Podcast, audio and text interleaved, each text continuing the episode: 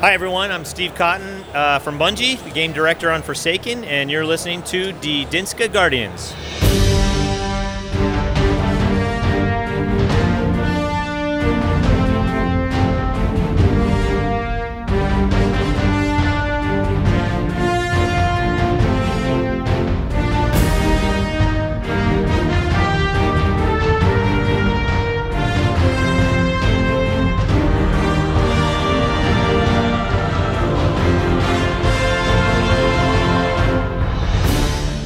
Alle sammen, og velkommen til De Danske Guardians episode 109. Vi er De Danske Guardians, Danmarks første, bedste og eneste Destiny-podcast. Og lige nu, der sidder du og lytter til, hvad jeg tror bliver Mona Lisas svar på podcast-episoder.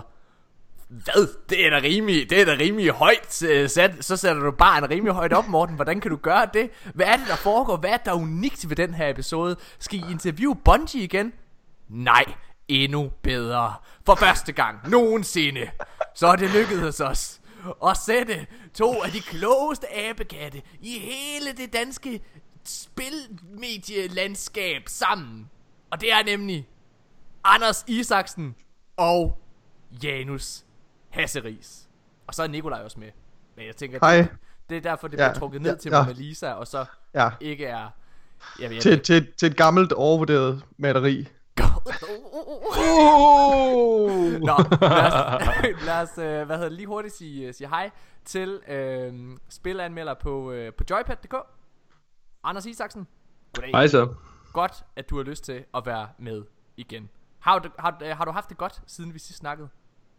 Ja, jeg har haft øh, rigtig meget at se til. Ja. Øh, der er lige pludselig sket en hel masse, masser af spil, man skal igennem nu her, hvor vi nærmer os Game of the Year-debatterne, men det kender Janus vel alt til, så der er travlt lige nu. Uh, ja, hvad hedder det? Det kan være, vi skal kaste bolden over til Janus Hasseris, for det er mega længe siden, at jeg har haft fornøjelsen af at have dig i min øresnegl. Mm-hmm. Ja, det er længe siden. Det Super er længe siden. Du, har du det godt, Janus? Og det vi skal, lige, skal, vi lige, skal vi lige sige, en af de bedste podcast-interviewer i Danmark. Janus Hasseris. Player characters. Gå ind og lyt til den. ja, ja, det synes jeg da endelig. Tag og lyt til min podcast, den hedder Player Characters. øhm, jeg lige, jeg lige uh, sendt et afsnit ud i går, med, hvor jeg interviewede en fyr fra England, som hedder David Turner, som har en podcast, der hedder The Computer Game Show, um, og har lavet podcast i 13 år. What? Hold op. Så uh, ja, det, det svarer sådan nogenlunde til, at han har lavet podcast før, at det var det, vi kalder podcast. Ja. Uh, og i hvert fald før, at det blev det der kæmpe store ting, som det er lige nu. Mm. Uh, og han er, han er bare skidskæg, og, uh, og han har alle mulige fede ting at, at sige. Så det var rigtig cool. Janus, øh, hvad hedder det? Du, øh, du er tidligere spilanmelder på både øh, Eurogamer og Peasy, har du også været på. Hvad, altså følger du egentlig, øh, øh, øh, følger du hovedet med som, som spillanmelder længere? For jeg sad lige og tænkte, Ah, altså jo, men nej, eller altså, ikke på det plan. Nej, det Nej. gør jeg ikke, men, men så alligevel, altså, øh, det, jeg synes jo, det er interessant, at man kan sige, nu har jeg jo, nu har jeg lige fået nyt arbejde, og, og arbejder jo sådan set for et spilfirma, og så, så er det jo klart, at så, er- så er frokostsnakken, det er jo også om spil, og mi- mine kollegaer, de spiller Dota og Overwatch og sådan noget. Så, det skal jeg lige øhm, forstå. Det, det har jeg slet ikke hørt. Er du, jeg troede, du var sådan en, øh, hvad hedder det, kedelige software-mester. Mhm. Hvad- også. Hvad, hvad, og hvad er det, du laver nu så? Hvad, hvad for et spilfirma arbejder du ved? Jamen det der er med det, det er jo, at, øh, at øh, HTML og JavaScript og sådan noget, det er jo så stærkt nu, så man kan godt lave øh, ting og sager i det, og, og det firma, jeg arbejder for, som hedder Cray, det vi laver er sådan en øh, spil-editor, kan man sige. Altså det er en maskine til at lave spil i, Okay. og, øh, og, og det interface, det kan man jo sagtens lave ligesom en hjemmeside. Det, det skal være en hjemmeside faktisk. Så det, det, det er derfor, at jeg med mine evner kan komme til at arbejde pludselig i et spilfirma. Det øh, Spændende. er sweet business, det kan jeg lige så godt sige. Må jeg spørge, er det lidt over i samme boldgade som det der Scratch? Øh, sådan meget mainstream... Åh, Scratch kender jeg ikke lige, men der er det, der Nej, hedder det er Roblox. Roblox, Ja. det er jo det, altså, det er meget ligesom Roblox, det vi laver. Men det er sådan et online værktøj til, at man kan lave sin egen spil, ikke også? Og, Ja, og sidde ja, og sådan 100%. programmere. Ja, det er så ikke online øh, lige nu. Man skal downloade Nå. en Excel-fil, Ja. ikke? men vi arbejder på, at det bliver mere... Ja. Ja. Mega, mega fedt. Spændende. Hvad, øh, hu- husker du at fortælle mig, at der er et spil, der hedder Destiny, og det skal de tage og gå ind og spille? Ja, Jo, Ah! ikke okay. Kære lytter, jeg skal lige huske at komme med en lille øh, undskyldning, fordi I sidder sikkert og tænker, hvor fuck i helvede var episoden i sidste uge? Den var der ikke. Og, øh, og det er hovedsageligt min skyld, fordi jeg har ikke arbejdet hårdt nok på at få, øh, få den sat sammen, fordi jeg er, jeg er ret presset på arbejde. Jeg er virkelig, virkelig presset. Jeg burde slet ikke, jeg burde slet ikke sidde og optage podcast lige nu, men jeg kan ikke holde det tilbage. Jeg kan ikke lade være med at sidde og snakke Destiny, så nu gør vi det alligevel. Øh, men, øh, men ja, så stort kæmpe undskyld for, at øh, der ikke var en episode sidste uge. Og jeg skal også undskylde, at vores segment, der var blevet rigtig populært, ikke har været til stede i sidste episode, og heller ikke i den her nemlig, øh, hvor vi sidder og, øh, og snakker øh, med, hvad hedder det, forskellige klaner, og øh, giver dem et lille spotlight. Og det skyldes simpelthen igen tid. Jeg er virkelig, virkelig ked af det, men jeg har, ikke, jeg, jeg har simpelthen ikke haft, hver gang vi skal lave de der øh, interviews, så er det, det foregår på en separat aften, hvor jeg ligesom sætter mig ned og har forberedt nogle små øh, ting, vi lige kan snakke om og alt muligt, og det, det har jeg bare ikke øh, haft overskud til. Så det, øh, det plager jeg rigtig, rigtig, rigtig, rigtig, rigtig, rigtig, rigtig meget. Så, beklager. Men nu skal vi have en rigtig, rigtig god episode, tror jeg. Øhm, om det er sjovt, tror jeg. Er der et eller andet, altså jeg skal lige hurtigt vende en ting med Nikolaj, nemlig fordi, Nikolaj, Mhm. du har haft en fest i Destinyland. Ja, det har jeg. Det må man sige. Øhm, jeg besluttede mig for, at, øh, at jeg vil øh, en gang for alle få fat i den der Lunas Havl. Øh, under opfordring af alle Destiny-spillere. Ja. Øh, så, øh, så det besluttede jeg mig for. Øhm, og det startede med at føles lidt som, som at bestige et bjerg. Men, øh, men jeg besluttede mig for, at, at jeg lige vil sætte nogle timer af hver aften. Og nedprioritere min skole lidt. Ja. og, øh, og ligesom, øh, og ligesom få spillet noget competitive. Øh, og det har jeg faktisk haft ret stor succes med. Det, jeg har ikke, synes ikke, det har været en, øh, en grind. Øh, tværtimod synes jeg faktisk, jeg tror, jeg har været ret heldig. Øh, jeg har spillet solo for det meste competitive. Ja. Øh, og det er gået rigtig fint. Så i forgårs, der fik jeg endelig øh, Lunas Havl. Øh, meget før, end jeg egentlig havde forventet. Jeg troede, det ville være lige på et hængende hår. Hvornår er det den 27. Øh, sæsonen slutter? Det er næste uge. I næste uge. Ja. Så det har også Øhm, været, så- altså, ja. Det, Jeg har faktisk spillet ret meget. du har spillet, jeg skulle til at sige, Nikolaj, nu, du, du, Øh, jeg synes, ja. du underprioriterer, hvor meget du har spillet. Ja, jeg har spillet ret meget. øhm, men nu har jeg endelig fået fat i den. Jeg har, jeg har kun lige spillet med den i en kamp, så jeg, jeg kan desværre ikke udtale mig så meget om... Øh, jeg har ikke haft så meget erfaring med den. Men jeg var, så, jeg var så heldig at være til stede, da du fik den, og du var ja. Meget, meget begejstret. Og jeg kan Ja, huske var første gang, du tager den i brug. Vi går ind i en quick play kamp bagefter, hvor det er, du tager den i brug, og du er bare sådan helt, åh, oh, dreng, den er jo sindssyg, den her. øhm, ja. Og øhm, ja, jeg, er også, jeg, er også, jeg har den selv også, og jeg er øh, ret, ret glad for den. Det tog mig noget tid ja. at vende mig til våbnet, men når man først har, øh, har lært den at kende, så er den virkelig deadly. Øhm, mm. Det er nice, og så lykkedes det også lige endelig for første gang nogensinde at møde det her, øh, hvad hedder den, meatball-agtige ting i Gambit. Ja, ja. Ja. Øh, det var så... Det var ikke en succeshistorie, Nej. fordi øh, vi... Ja, vi snublede og landede på ansigtet. Ja. Øh, altså, Ja. og så den her pris blive reddet væk for øjnene af os, så ja. Det, det gider vi ikke snakke om. Det var, Nej. noget, det var noget pis.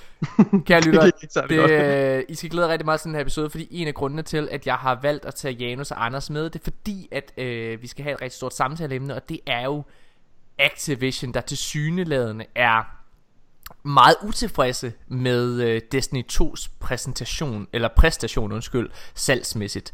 Øh, og vi skal ind i en større debat, kan jeg fornemme, og tror jeg, øh, i forhold til, hvad, hvad det betyder, og, øh, og hvilke konsekvenser det kan få for fremtiden, hvis det har nogen overhovedet. Øh, Øh, ja, og derudover så skal vi selvfølgelig snakke meget mere om Black Armory, fordi der er kommet udgivelsesdato på, og en masse andre informationer, og på baggrund af Anon Denine, som vi, efter han har mere eller mindre, øh, ja, øh, haft ret i, det der, i, i mange ting nu efterhånden. I hvert fald det med, at Thunderlord vil vende tilbage, og hvornår den vil komme, så er der jo en del ting, som man godt ligesom kan sige, okay, så har du nok også ret i, at Icebreaker og Last Word for eksempel vender tilbage med Black Armory. Skib og skræk. Men alt det og meget mere. Er der noget, Janus og Anders lige vil sige, inden at vi holder en kort, kort pause og hopper i gang med tre hurtigt? Nej, Nej. Nej! Okay. Kan I huske at starte ud med at sige, at det her det skulle være Mona Lisa-episoden? det her crash jeg burner allerede nu. Det bliver fantastisk. Godt nok. Jamen, øh, mine damer og herrer, vi er tilbage lige efter det her med tre hurtige.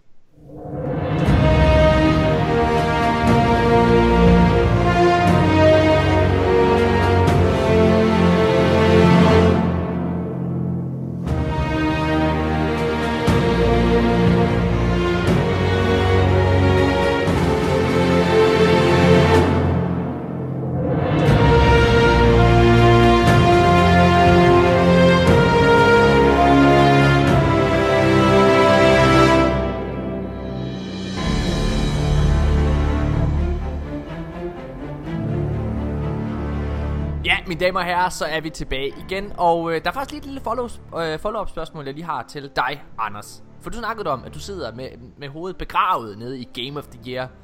Og hvad er, hvad er din kandidat? Øh, jamen, øh, det har ændret sig lidt. Ja, Um, jeg troede egentlig, det ville blive Dragon Quest 11. ja det var nemlig det, du sagde sidste gang. Øh, men så fik jeg spillet Celeste, og øh, Celeste? Hvad er det? Jamen, jeg elsker, jeg elsker at fortælle om spil til jer, fordi I aner simpelthen ikke noget om noget som helst andet end Destiny, så det, Nu skal du høre her. Det er, det, det, er, det er simpelthen ikke rigtigt. Jeg, jeg, jeg, nu vil jeg med min højre arm på, at det, der kommer ud af din mund lige om lidt, og det er kodeord til, at jeg ikke aner, hvad det her det er. Det er, at, ah, jamen det er sådan et, uh, et japansk anime uh, RPG-spil, udviklet af uh, Ku- Kurimi Haruja. Ja. Altså det du leder efter er 8-bit indie, og det er derfor du ikke har hørt Nej, det. det er rigtigt. Det kunne også være derfor. er, det, er det 8-bit indie, Anders? er det ikke 16? Okay. jo, måske 16-bit. Men, Har du Men, spillet? men jo, men det er... nej, det har jeg ikke, men jeg kender det. Jeg ved godt, hvad det er. Du ved, hvad det er. Ah, Du er, så- skide, skide begavet. Okay, hvorfor er det godt? Nu skal vi fortælle lytterne, hvorfor de skal gå ud og investere i et indie-spil. Øh, jamen, det, det skal de, fordi Celeste... Øh, for det første så... Jeg skal sige med det samme, at sådan noget som Super Meat Boy og så videre, har egentlig aldrig rigtig fanget mig. Øh, men Celeste fangede mig, fordi det formår at gøre nogle forandringer i formen med at øh, game over, for eksempel. Altså, alene det, at, at fra du dør i Celeste, til du er tilbage i levelet, der går under et sekund. Det vil sige, at, at det at, at, at tabe i spillet, er ikke, det er egentlig bare noget, der... Altså det, spillet gør meget for, at man skal føle, at nu skal du komme videre. Mm. Og det prøver også på mange måder at simulere, hvordan folk med en depression skal kæmpe sig ud af det. Simuleret ved igennem øh, Celestes øh, vej op ad det her bjerg, hun skal bestige. Og så samtidig så er det noget af det bedste styring i en platformspil, jeg har set i mange år efterhånden. Det er meget, meget knivskarpt. Øh, og det er en rar afveksling, når man har skulle tæske sig igennem Red Dead Redemption, hvor det modsatte er tilfældet. Jeg er jo, øh, hvis man lige skal have en lille hurtig update for, øh, for mit eventyr med Red Dead Redemption, så jeg er ikke vendt tilbage til det. Jeg har simpelthen ikke haft, øh, og det, det, ærger mig, det ærger mig faktisk rigtig meget, fordi det er et spil, som jeg øh, har haft lyst til at give en, give en chance efter, at jeg, det, at jeg blev lidt skuffet. Øh, men jeg har simpelthen ikke haft, det er det der med, at man skal sætte så mange timer af, for lige at kunne gå ind og bare komme, lave lidt progress i det. Det her, det må jeg desværre sige, at det har, øh, det har afskrækket mig fra hvad jeg faktisk tror at øh, hvad jeg tror altså jeg, jeg er sikker på hvis det havde været hvis jeg havde været øh, 17 eller 18 år og jeg ikke havde haft øh, noget øh, arbejde eller noget som helst og jeg havde fået det her spil så er jeg sikker på at jeg vil elske det det tror jeg virkelig hvis jeg ikke havde haft Nå okay Anders han ryster på hovedet Har du, har du givet helt op på det, morgen? Det har jeg i hvert fald for nu Altså det kan mm. være at jeg gør noget i julen øh, af, I min juleferie Men ja. øh, jeg ved det ikke helt det er, ja Jeg synes det er en svær, det er en svær det, Altså jeg, jeg har øh, Det er altså ikke bare fordi jeg sidder her og laver en Destiny podcast Jeg har øh, de gange, hvor jeg har haft mulighed for lige at... Altså hvis jeg har haft en time eller to, hvor jeg lige kunne sidde og, og spille, så, øh, så har min lyst været på at gå ind og, øh, og spille Destiny. Og, og klare nogle af de quests, som, øh, som, ja, som altså, det er helt sikkert også en af motivatorerne på det. det. Det der med, at det forsvinder lige om lidt. Altså så har jeg lyst til at gå ind og gøre dem færdige, inden de forsvinder her den, den 27. Øhm, ja, det ved jeg ikke. Anders, øh, hvad er din øh, endelige dom på Red Dead Redemption? Øh, jeg synes, det er... Altså, det er ingen tvivl om, det er det flotteste spil, der er lavet til dato. Altså, mm. det kan da ikke være... Det, det er sådan... Altså, det, det, vi har ikke set grafik, der ser så, så godt ud. Øh, slet ikke, når, i hvert fald ikke, når man taler om, om, om øh, omgivelser. Øh, lyden er fantastisk, stemmeskuespil, musik, helt suverænt. Historien ja. er okay. Ja. Øhm, men der er... Øh, man har gjort rigtig meget for, at det skal være realistisk øh, i en sådan grad, at man har øh, simuleret, hvordan øh, hestenes nosser de skrumper i vinteren.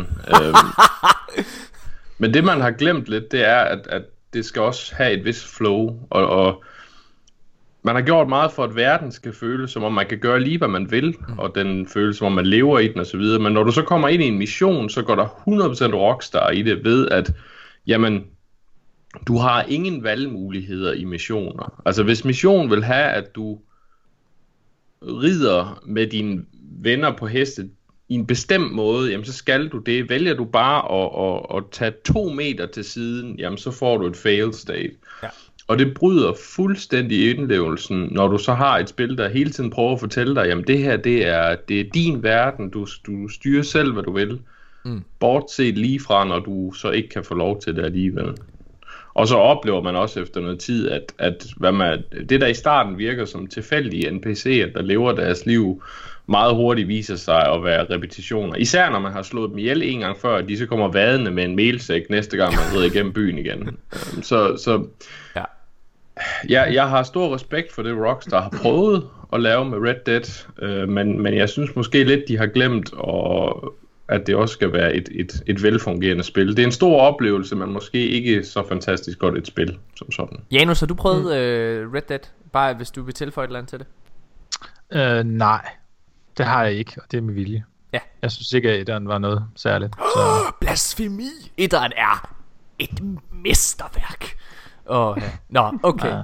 Ja. Damer og herrer, lad os øh, gå i gang med, øh, med tre hurtige for den her uge. Og nej, jeg vil gerne lige sige en ting. Kære lytter, har I lagt mærke til noget, der faktisk... Og det, det, det slår mig lige nu.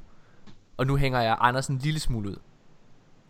Har I lagt mærke til, at Anders er min diamet- diametrale modsætning? Jeg er sådan en, hvis jeg var, hvis jeg var, hvis jeg var på en båndoptager, så var jeg sådan, hvor, hvor lyden lige er skru, spru, sprulet lidt frem. Det går lige lidt hurtigt. Jeg snakker lige lidt hurtigere, end man skal gøre. Anders, han er modsat. Han går lige lidt langsommere, end man egentlig burde gøre. Åh, mand. Du så... Øj. Prøv at sige noget, Anders. Ja, men vi er jo nogen, der tænker, inden vi taler. Åh, det er godt. Tak. Åh, det er godt. Ej, hvor er det godt. Det er dejligt. Oh, okay, vi skal i gang med første spørgsmål i tre hurtige. Og uh, det er... Det her det er faktisk et lytterspørgsmål, som jeg har fået. Øh, det er fra Dennis Strongstyle, som øh, under en, øh, en Twitch-udsendelse spurgte os, hvad, øh, hvad er jeres meninger om folk, der køber sig til forskellige ting? Altså, betale folk til at klare raids, PvP som Lunas Howl eller få emblemer osv. Og det er et øh, godt spørgsmål, for det har vi faktisk aldrig nogensinde vendt her i podcasten. Øhm, Janus, hvad er, hvad, er, hvad er din holdning til det? Jamen, sådan nogle mennesker, de skal trækkes ud bag uh, togskinnerne og nakkeskydes med det samme. Okay. Nej, jeg ikke, altså, helt ærligt, jeg, jeg, jeg, det, det er simpelthen en grundlæggende ting i computerspil, som jeg ikke forstår, altså Smurf-konto og så videre i League of Legends. Jeg, jeg, jeg, jeg begriber simpelthen ikke konceptet i, at man vil have øh, pynten, man vil have belønning for noget, man ikke har gjort. Det forstår jeg bare ikke. Nej. Altså i, i en verden, hvor, hvor den her belønning ikke har nogen pointe. Mm. Altså man kan sige, øh, jeg kan godt forstå, hvorfor man vil snyde med et eksamensbevis, så kan man kan få et job, man ellers ikke kunne have fået, og tjene nogle penge, men ellers ikke kunne, fordi der er en idé i, øh, uanset det er ulovligt. Men i det her tilfælde er det bare sådan, at jamen, øh, altså det er EP'en, du vil have, som ikke betyder en skid for noget, du ikke engang har gjort. Altså, det, det er simpelthen det laveste af det lave. Altså, jeg, jeg forstår det overhovedet ikke. Det, det, det, det, det gør jeg bare ikke. Jeg synes, det er mærkeligt. ja, godt svar.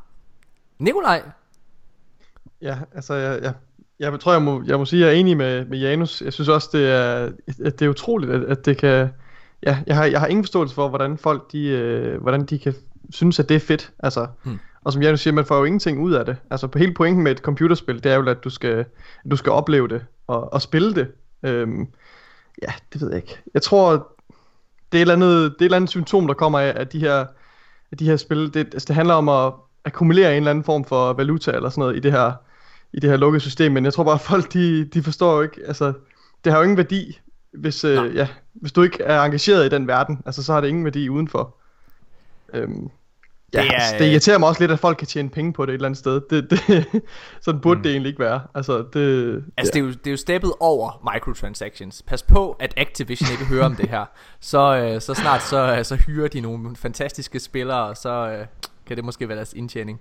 Nå, Anders, ja. hvad, øh, hvad tænker du? om det? Ja, men jeg ved ikke, det findes der i mere eller mindre grad i Activision-spil allerede. Både i Destiny og World of Warcraft har du der level boost. Det er jo en form for... Det er sandt. Men, der er alligevel, Øhm. men du er alligevel ikke i stand til at, at gå ind og få øh, altså legitimt øh, altså et, et våben. Nej, nej, nej, det er rigtigt. Og, og, men, men altså det... Nu nævnte jeg World of Warcraft, der er der eksisteret i så mange år. Altså, det er ikke noget, der kan hisse mig op som sådan. Jeg synes bare, det er dumt. Altså, at man ja. gider at bruge sine penge på det. Øh, men, men, ja. Ja. Altså, hvis folk de synes, de vil bruge penge på det, det eneste, de har ud af det, det er en eller anden kosmetisk genstand, og lige så snart folk så i gruppen med dem, kan de se, at de stinker alligevel. Så altså, ja, det er spild af penge. Ja, øh, jeg har jo, øh, jeg har nok meget samme holdning som jer tre. Men, jeg vil sige, at nu har jeg jo jagtet i øh, sæson 3, jagtede jeg det våben, der hed Redrix Claymore. Og hvis man øh, kender lidt til mig, så ved man, at jeg var to sejre fra at få det, da det var øh, sidste dag, hvilket var mega bittert. Mega bittert. Jeg skulle have startet før. Jeg skulle have startet før. Øh, med to sejre, og så, øh, så, lukkede, øh, så lukkede det ned desværre. Nå.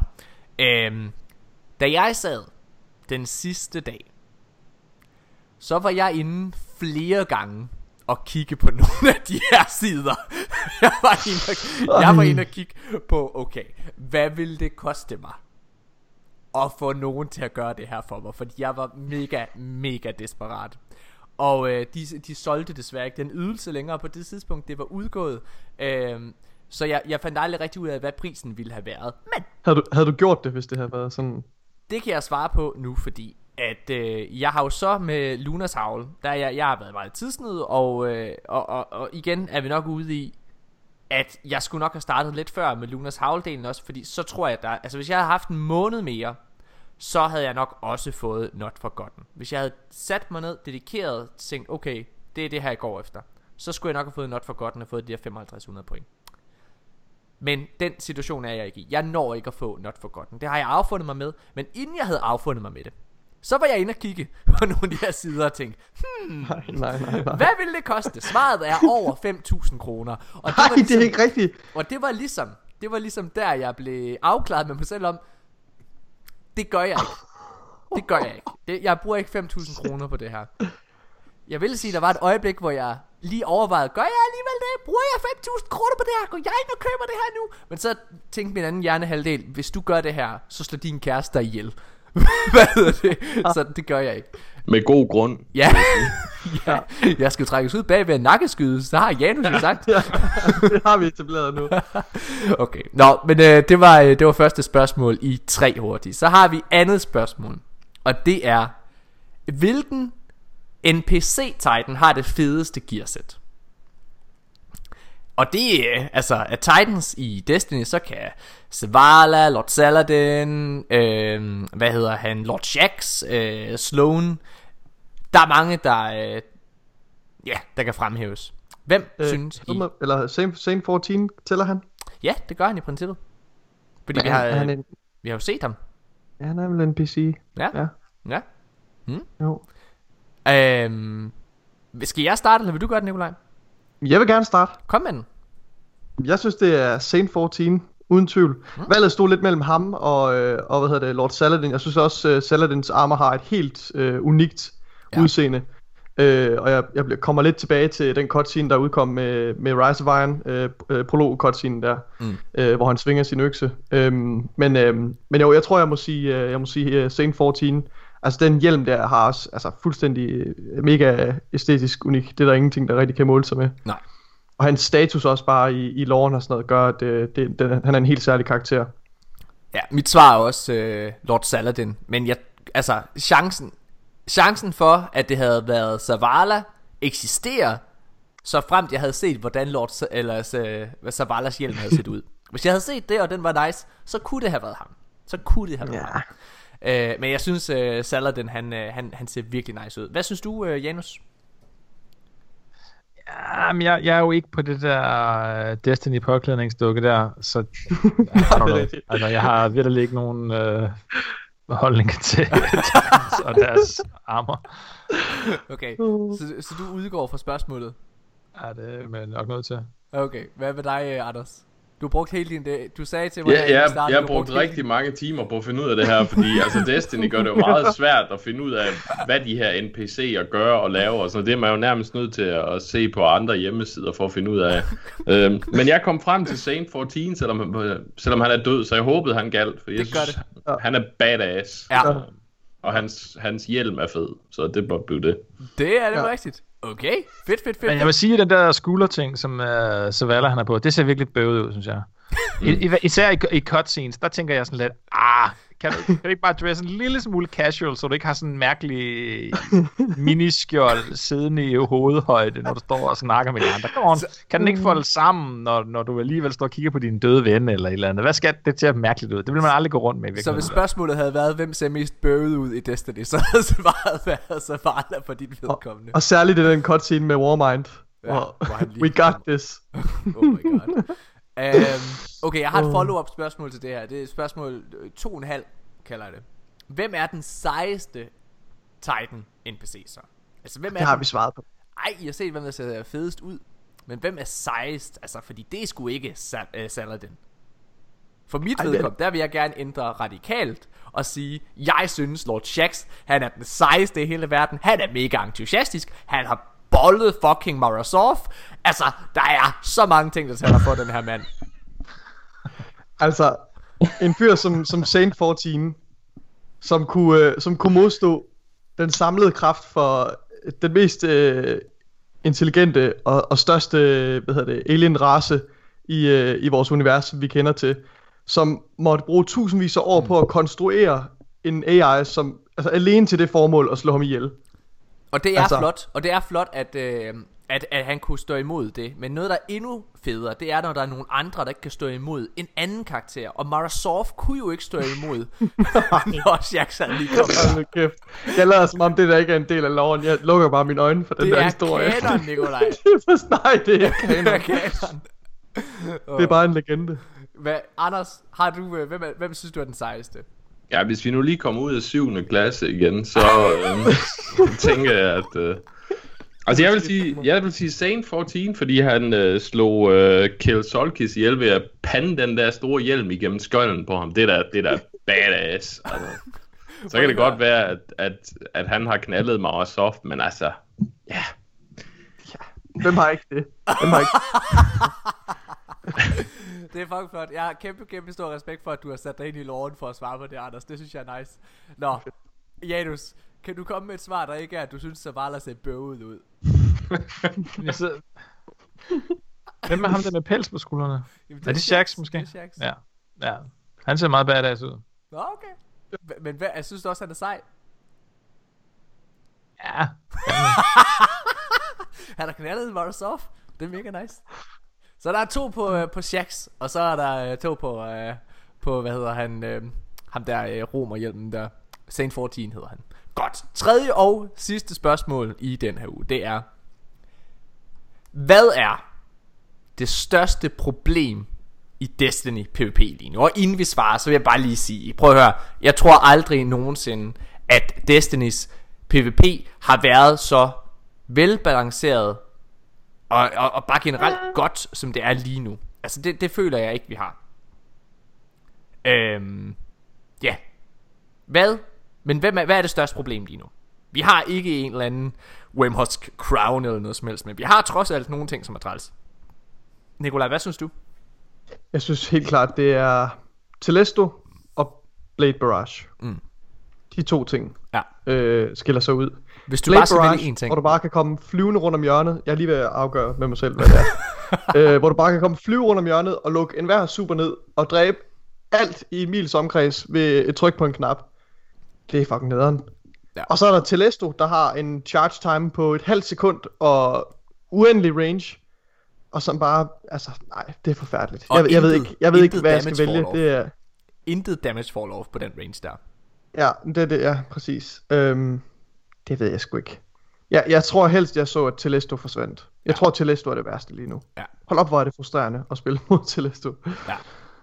Jeg kan fortælle, at øh, mit svar er 140.000% til Lesto. Holy fucking shit, hvor jeg hader det. Jeg hader også at dø til en Nova Warp. Nova Warp er også mega irriterende. Og hvis Mika havde været her lige nu, så havde Mika sagt, at han fucking hader Nova Warp, fordi den bare så lang tid, og den er så sindssyg.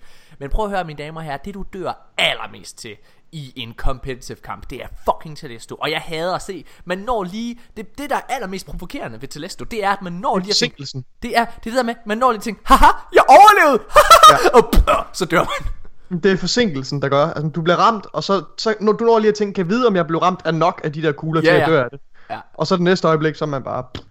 Og, og desværre så er svaret altid, hvis du er blevet ramt af Celeste, Så er så er du fucking færdig, ja. mand. Og du, du skal bare lige løbe forbi to af de der Ja. orbs, så er du færdig.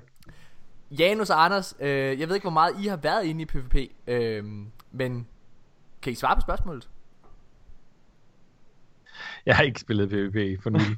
øh, så, så jeg sidder og tænker, øh, for eksempel, øh, hvad er det sidste uge, eller er det i den her uge, at der er Iron Banner, Sidste hvor uge. jeg var sådan, ja, jeg, jeg var sådan lidt, nå, ja, jo, jo, det gider jeg ikke lige. Øh, så det vil jeg kalde et problem. Altså, der var en gang, hvor jeg var sådan, åh, jeg skal huske at spille Iron Banner, mand, det er kraftet med det fedeste. Ja. Øh, men det, det var bare Ja. sådan lidt, nå, ja, det var tra- tragikerne. Så det Men jeg synes, det er sjovt det her med Celeste, at den er, den, har de buffet den helt vildt, eller hvad? Ja. Fordi det, det, var- den har der aldrig før været sådan en... Den er jeg kan buffet- huske, at øh, i Destiny 1, der, har, der brugte jeg... Øh, og den der, der var sådan en, en pulse rifle, man fik i øh, et strike. I Ja, Grasp of øh, Malak. Grasp of Ja, det var... Malak. Ja, Lige præcis. Grasp of Malak, Mm. den havde jeg ikke engang i et God World. Den brugte jeg sammen med Telesto, fordi så kunne man sådan... Man kunne skyde sådan en uh, salve Telesto af, og så skifte over til den der Grasp of Malak. Den, ja. den loadede med ret hurtigt, og så kunne man lige... Brrr, brrr, og så kunne man nakke folk. Øh, og det, det havde jeg det, vildt godt kørende med, selvom at det, det var der ikke nogen andre, der synes var en god idé, fordi at de jo bare ikke var gode nok. Altså våbnene, ikke Det, spillerne. det som Celeste Men har, øh, så jeg er kun glad for, at, at, at nu, hey, mine våben, de virker. Ja. det som Celeste har, og grund til, at den er blevet buffet i gåsøjne, det er fordi, den er kommet op i, uh, i elemental-slottet, eller hvad man skal sige. Og det betyder, at du har næsten altid ammunition til den. Mm. Um, og den burde være i power-slottet, så havde den slet ikke været et issue. Den har Øhm, altid været ret god, faktisk. altid været ret god. Generelt. Ja. Anders? Men det kræver trods alt lidt skill at bruge den. Ja, det gør Altså- det. Nej, det gør det ikke. Det, det, det, det synes jeg må være, i modsætning til, hvad hedder den, den der lineære ting der, som ligesom bare ikke rigtig kræver noget skill, fordi man kan kigge igennem øh, altså tingene med den på radaren. Så til Leicester, du skal jo forudse trods alt, hvor, hvor spillerne kommer til at være henne og sådan noget, ikke? Mm, det er til dels rigtigt. Ja. Ja. Hvad, hvad, hvad, hvad siger du, Anders? Jeg, jeg tror, det, det, det læner sig lidt op af det, Janus siger, men for mig der er det egentlig mere, fordi jeg, jeg synes, Destiny's PvP, som det er lige nu, Mm. er ikke noget, jeg bryder mig om. Uh, jeg, jeg synes, det læner sig for meget op af, af Call of Duty ved, at, at man, altså, det er for hurtigt at slå folk ihjel for mig. Okay. Altså, jeg, jeg synes, det er for nemt, uh, ja. og, og det er ikke fordi, at jeg føler, at man ikke kan klare sig. Altså, det kan man sagtens, men, øh, i, men, men jeg føler bare, at især, i hvert fald på PC, jeg ved ikke, hvordan det er på konsollen, men i hvert fald på PC, jamen, der handler det rigtig meget om, hvem der egentlig er hurtigst på musen, frem Mm. for hvem der bruger sine skills på bedste måde. Og, og det synes jeg egentlig ikke klæder Destiny som spil. Jeg synes, Destiny virker i hvert fald til at have en anden filosofi. Det er også derfor, jeg så godt kan lide Gambit, fordi det synes jeg er ja. et mere strategisk. øh, Så, mm. så jeg, jeg har også lidt svært ved at tage mig sammen til at spille, spille PvP i Destiny, fordi jeg, jeg synes, det grundlæggende design er gået i en retning, jeg ikke bryder mig om. Men, men individuelle ting, jamen, øh, som våben og sådan noget, det vil jeg ikke udtale mig om. Det er mit niveau slet ikke til, at jeg kan udtale mig om balancen. Det er en ret, øh, det er ret sjov, øh, sjovt, at både dig og Janus har det på den måde, at de faktisk ikke føler jer øh, opmuntret øh, til at gå ind i, i, i PvP. Altså det, og det må jo i min optik skyldes, at rewardsen ikke er der efter. Ja. Ja, måske. Ja, altså, jeg, synes, jeg synes godt, at Iron Banner kunne bruge sådan en uh, pinnacle reward, ligesom der er med, med Glory, altså ranked uh, playlisten. Ja, det er der jo til dels Øh. med Red Sport Sword. Ja, det er ikke helt rigtigt, men det er ikke rigtig en reward, der er bundet specifikt til Iron Banner. Altså det, Nej, det så det, det vil jo ikke give dig den der lyst til, åh, oh, nu skal jeg ind og spille Iron. Banner. Det er, Øhm, det er rigtigt. Ja.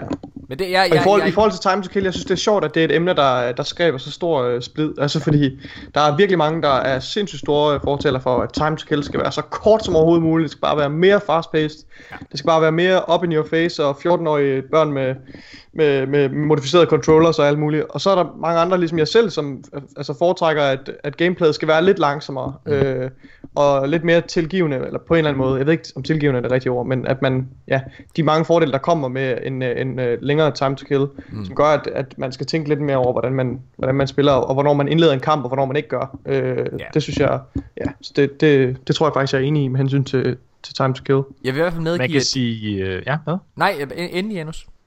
Ja, øh, nu, nu vi lige sidder og snakker om det, så, så tænker jeg også bare, at der er jo et, øh, der, der er noget grundlæggende designmæssigt ved, ved, ved, ved, ved Destiny, som, som, som Bungie har taget med fra Halo, ikke? som er det her med, at man har, man har et liv, og så har man et skjold.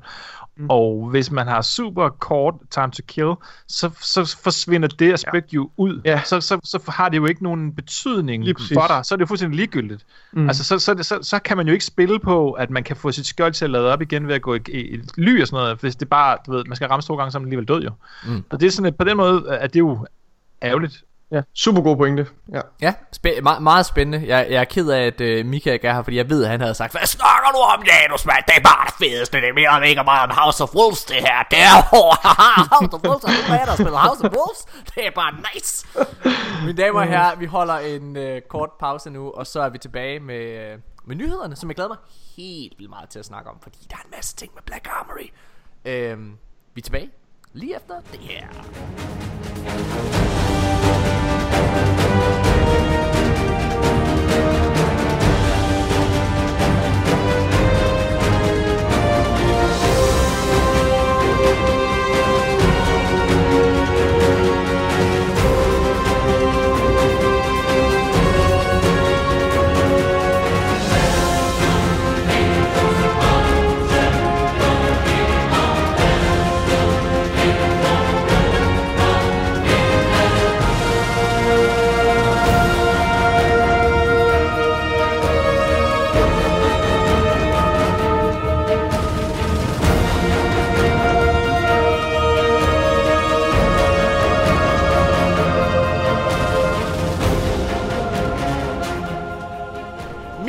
damer og herrer, så er vi tilbage igen, og nu skal vi i gang med det. Vi skal snakke omkring ugens nyheder, og der er, øh, der er en del at tage af, for det er også sidste uges nyheder, nogle af dem i hvert fald. Jeg har, jeg har, jeg har sorteret lidt i det, øh, kun taget det med, som jeg synes var virkelig relevant.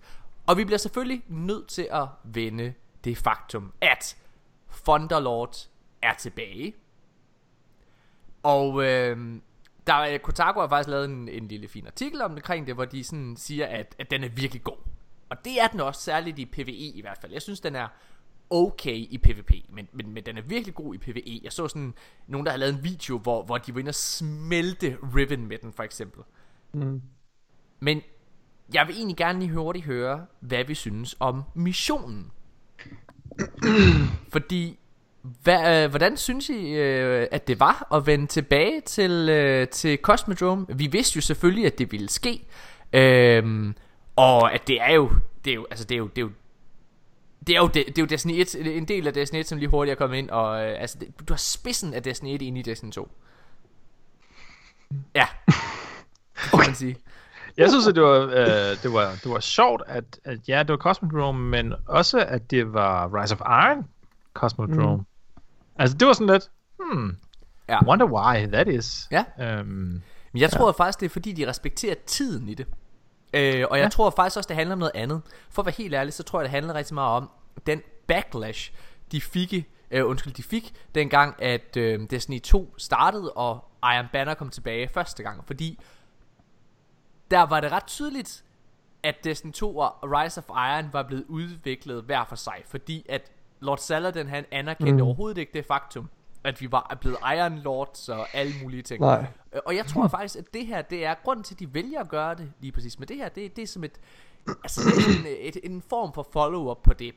Okay, vi accepterer og respekterer 100% Rise of Iron har eksisteret, og øh, sorry about that. Det er sådan lidt, jeg forstår det. Det, det, det føler jeg aldrig har været rigtig har været på tale, at, at, det, at det ikke skulle være en del af kanon eller sådan noget. Det er fuldstændig absurd. Det ved jeg ikke. Det, Er det hvad for noget? men det, jeg, siger, jeg, siger, det, jeg tror aldrig, det har været på tale, eller man har været i tvivl om, om, om Bungie synes, at Rise of Iron Åh, havde ej, en plads i tidslinjen. Men, Så det, men, det, er jo- men det er jo et faktum, at for eksempel, da vi tog op til Lord Saladin ja, første det, gang... godt, det ved jeg godt. Ja, ja, det ved jeg godt.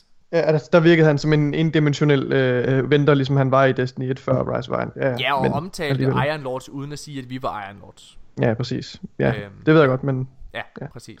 Så øh, ja, spændende. Okay, men i hvert fald, hvad synes vi hurtigt om, øh, om missionen? Anders, har du spillet den?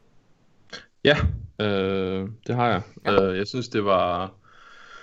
Jeg synes, det var en kedelig mission.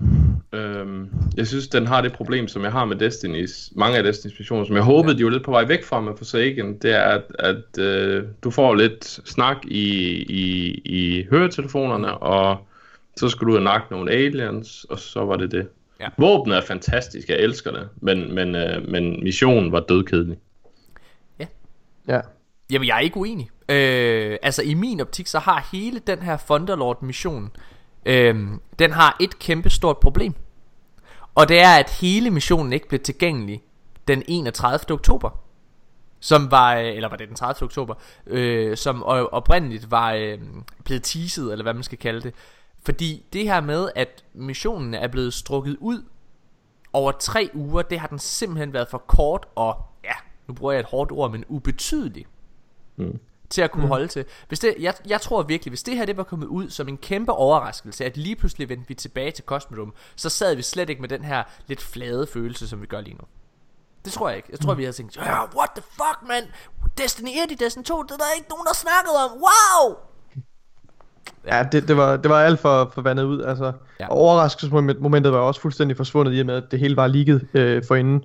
Ja. Øhm, og det var, ja, det var en kedelig mission. Jeg, jeg vil til gengæld påpege, jeg synes, det er ret fedt, at de, at de laver den her Thunderlord-mission øh, som et, et, et, et throwback til den allerførste demo, yeah. øh, gameplay-demo, der var af Destiny 1.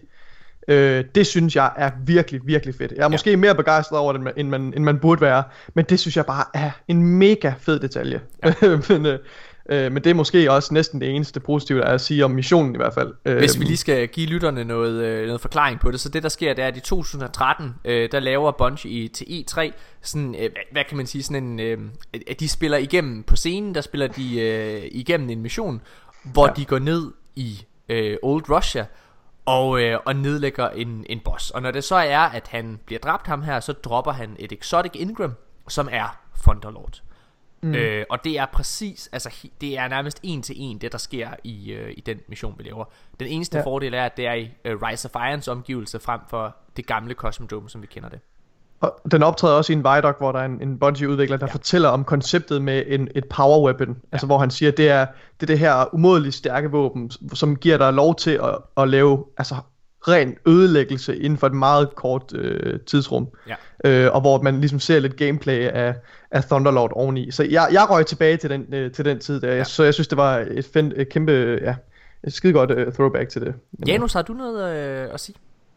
Jamen altså, jeg, øh, jeg spillede faktisk den mission, eller i hvert fald den sidste del, sammen med en, en kammerat, øh, jeg har kendt igennem noget tid. Øh, en mulige andre ting og sager, som, som pludselig kontaktede mig. Han er, han er sådan en Blizzard-fan. Han kontaktede mig på, på ja, Blizz loaderen der, og så siger han, Janus, du spiller Destiny 2, gør du ikke? Jo, jo, det gør Ja, men altså, nu har jeg jo lige fået Destiny 2 gratis her med BlizzCon og sådan noget der. Så det skal jeg lige høre lidt om, og sådan noget. Så siger han, ja, giv en gas, altså, det er, jo, det er jo gratis trods alt. Du, du, du har et par timer foran dig, ikke? Så, fordi han var sådan, skal jeg købe uh, DLC'erne? Så sagde jeg, nej, det, det, jeg mener, ja, det kan du, men nej, eller, det, jeg synes måske, også fordi jeg ikke, jeg, jeg vidste ikke, at han var sådan en shooter-person, så jeg sagde, spil nu lige historien øh, først, så tænker jeg, det, så går du nok lige en uges tid med det. Ja. og så ville det bare sådan to dage efter, så var han sådan, at, nu har jeg spillet det hele, hvad skal mm-hmm. jeg mhm. mere? Så var jeg sådan, nå ja, okay, men altså Forsaken er jo klart det bedste content, øh, så jeg vil, ikke, jeg vil ikke råde dig til bare at købe, øh, hvad hedder det, Curse of Osiris og Warmind mm. alene. Det giver ikke så meget mening. Det kan, du heller ikke længere. det kan du heller ikke længere. Nej, man skal købe okay. nu. Ja blah, Men øh, og så lige pludselig så var han jo i gang med power grind og sådan noget. Og så sagde jeg, hey, ved nu lidt, øh, du skal prøve noget af det fedeste content, det er de her exotic missioner. For han sad sådan og spurgte mig, hvad med de der exotics der? Hvad, hvad er pointen med dem, og hvorfor skal man have dem overhovedet? Og så var jeg sådan, at, ja, jo, det, det er lidt svært for mig rigtigt sådan at svare på, fordi der, jeg synes ikke, at de, de er ikke helt det samme sted som tidligere. Men okay, nu er der den her Thunderlord quest. Og så er det jo rigtig fedt, at man så får et våben, som, som netop er exotic, det der med, okay, det her det er anderledes end de andre. Men da vi så kommer ned på Cosmodrome, så er jeg sådan helt, wow det her det er den allerførste mission overhovedet, Ice Up Guardian og det der, øh, bare lige med sne på og så videre. Så det var en ret fed øh, oplevelse lige der, også fordi jeg tror, at øh, han, øh, han havde sprunget en af dem over, så han havde sådan lidt mere at skulle spille i træk, da den kom.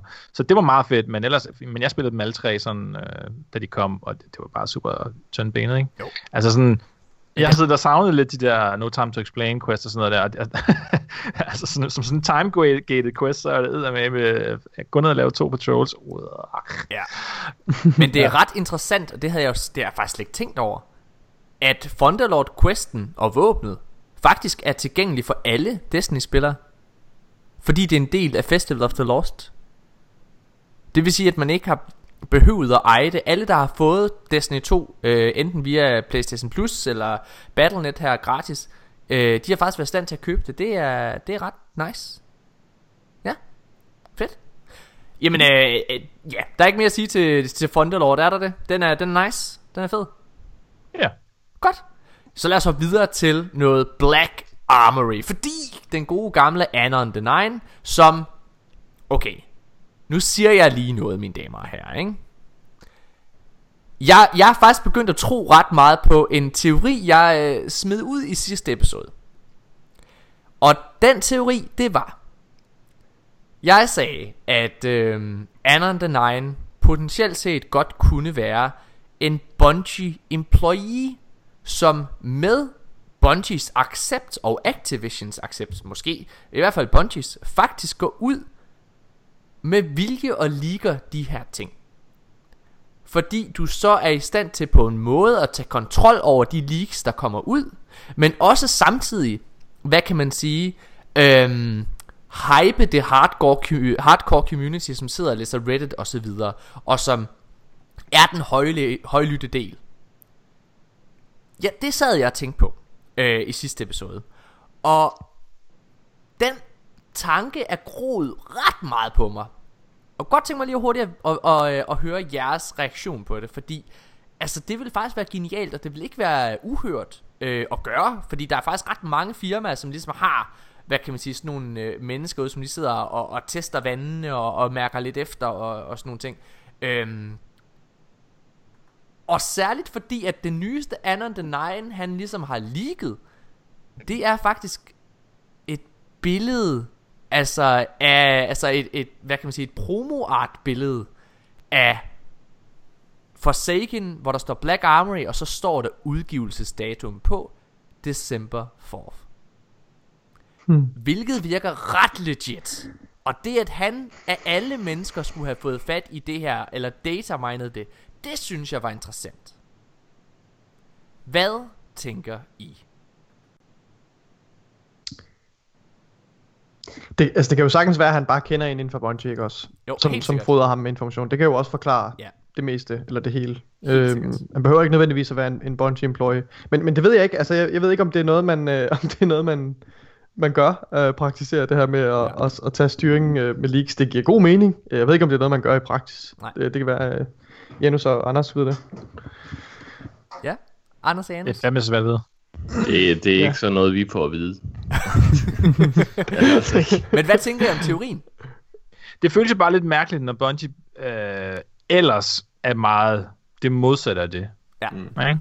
Altså, så, det, ja. det bliver sådan lidt ønsketænkning. Ah, det kunne være super fedt, hvis de lod som om, at det var mega hemmelighedsfuldt, men så i virkeligheden, så havde de bare lækket deres egen ting. Mm. Mm, jo, men man tænker bare sådan lidt, vil det virkelig være sådan, det foregik? Fordi, men, men du har selvfølgelig ret i, at der foregår sindssygt mange ting øh, bag linjerne, som man ikke hører om. Og, og der er jo masser af sådan noget med astroturfing, eller hvad fanden det hedder, ja. med at pr- prøve at hype dine egne produkter op på Reddit og sådan noget, og lade ja. som om, man er nogle andre. Ikke? Så, så, så det der med at, at køre undercover på alle mulige dårlige måder og virkelig lyskue metoder, 100% sikkert, at det foregår. Mm. Og, og ja, der er også ting, der bliver leaget. Øh, jeg tror personligt, at måske ikke så meget mere, men der var en lang periode, hvor jeg er 100% sikker på, at pladebranchen for eksempel leakede øh, deres egne sang, altså leakede MP3'er ud øh, ja. med det formål, fordi at, altså, der var på tidspunkt, hvor man bare sådan, hvis man fulgte med i de der blogs, dengang det ligesom kørte, og der var MP3'er og sang og sådan noget, så var man bare sådan, det er altid øh, super god kvalitet, og det er altid lige op til udgivelsen. Sådan, der, der er på en eller anden måde, øh, det, det, det går lidt for perfekt det her til, at det kan lade sig gøre. Ikke? Og det... øh, plus at man, man, man vidste på det tidspunkt, at, at, at dem, der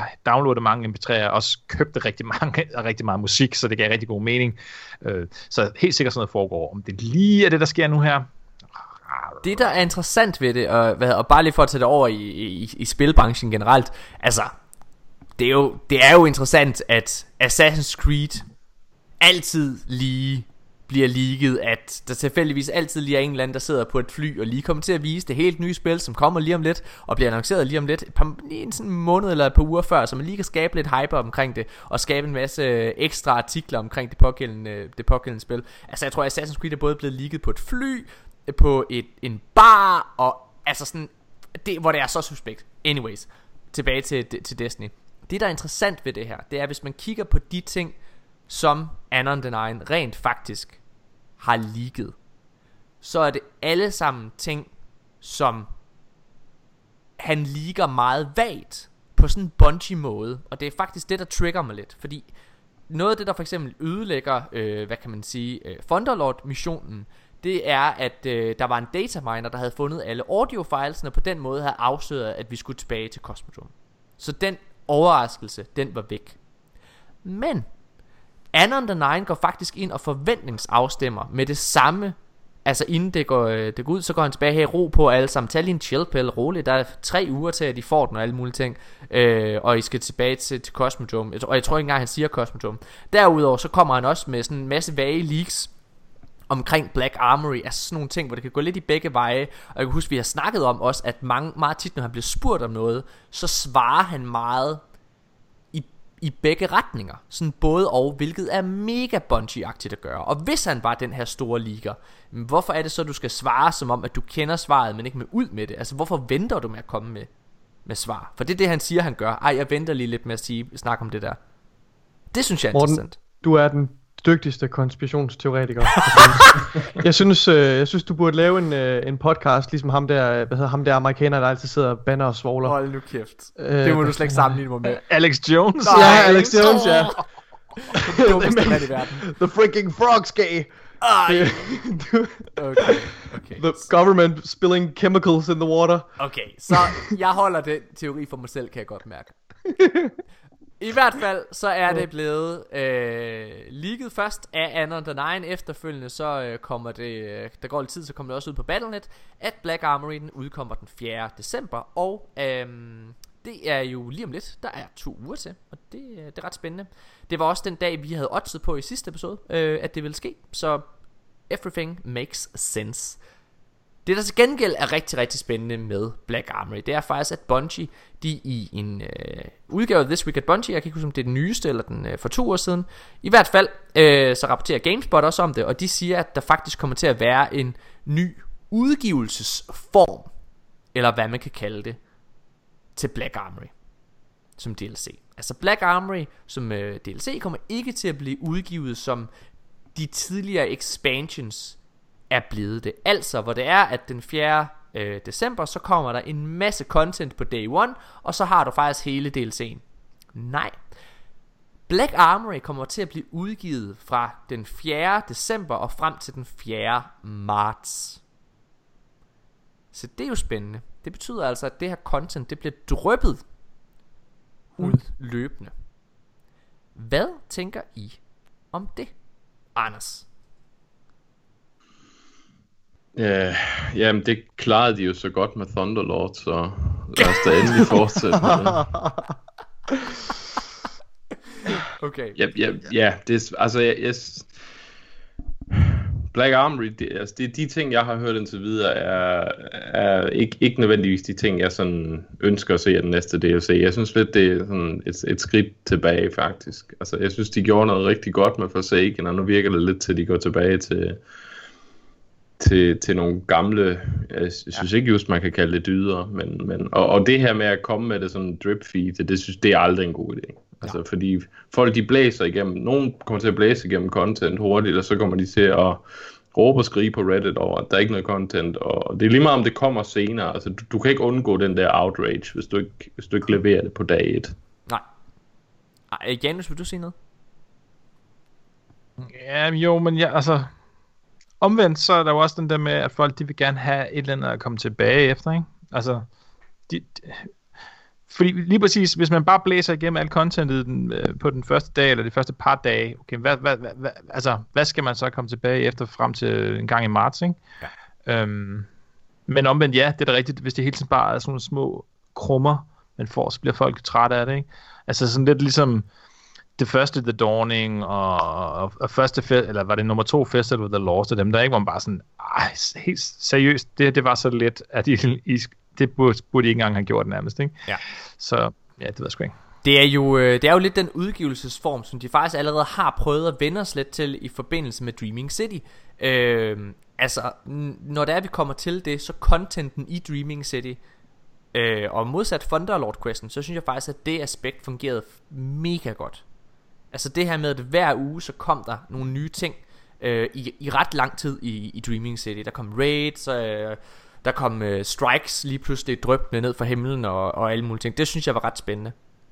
Ja, men, Nikolaj. Men du, du havde også noget at lave i Dreaming City alligevel. Altså, ja. det, var, det, var ikke, det var ikke sådan, at, at, at jamen, der, var, der var en quest eller to quests, mm. og så var det det.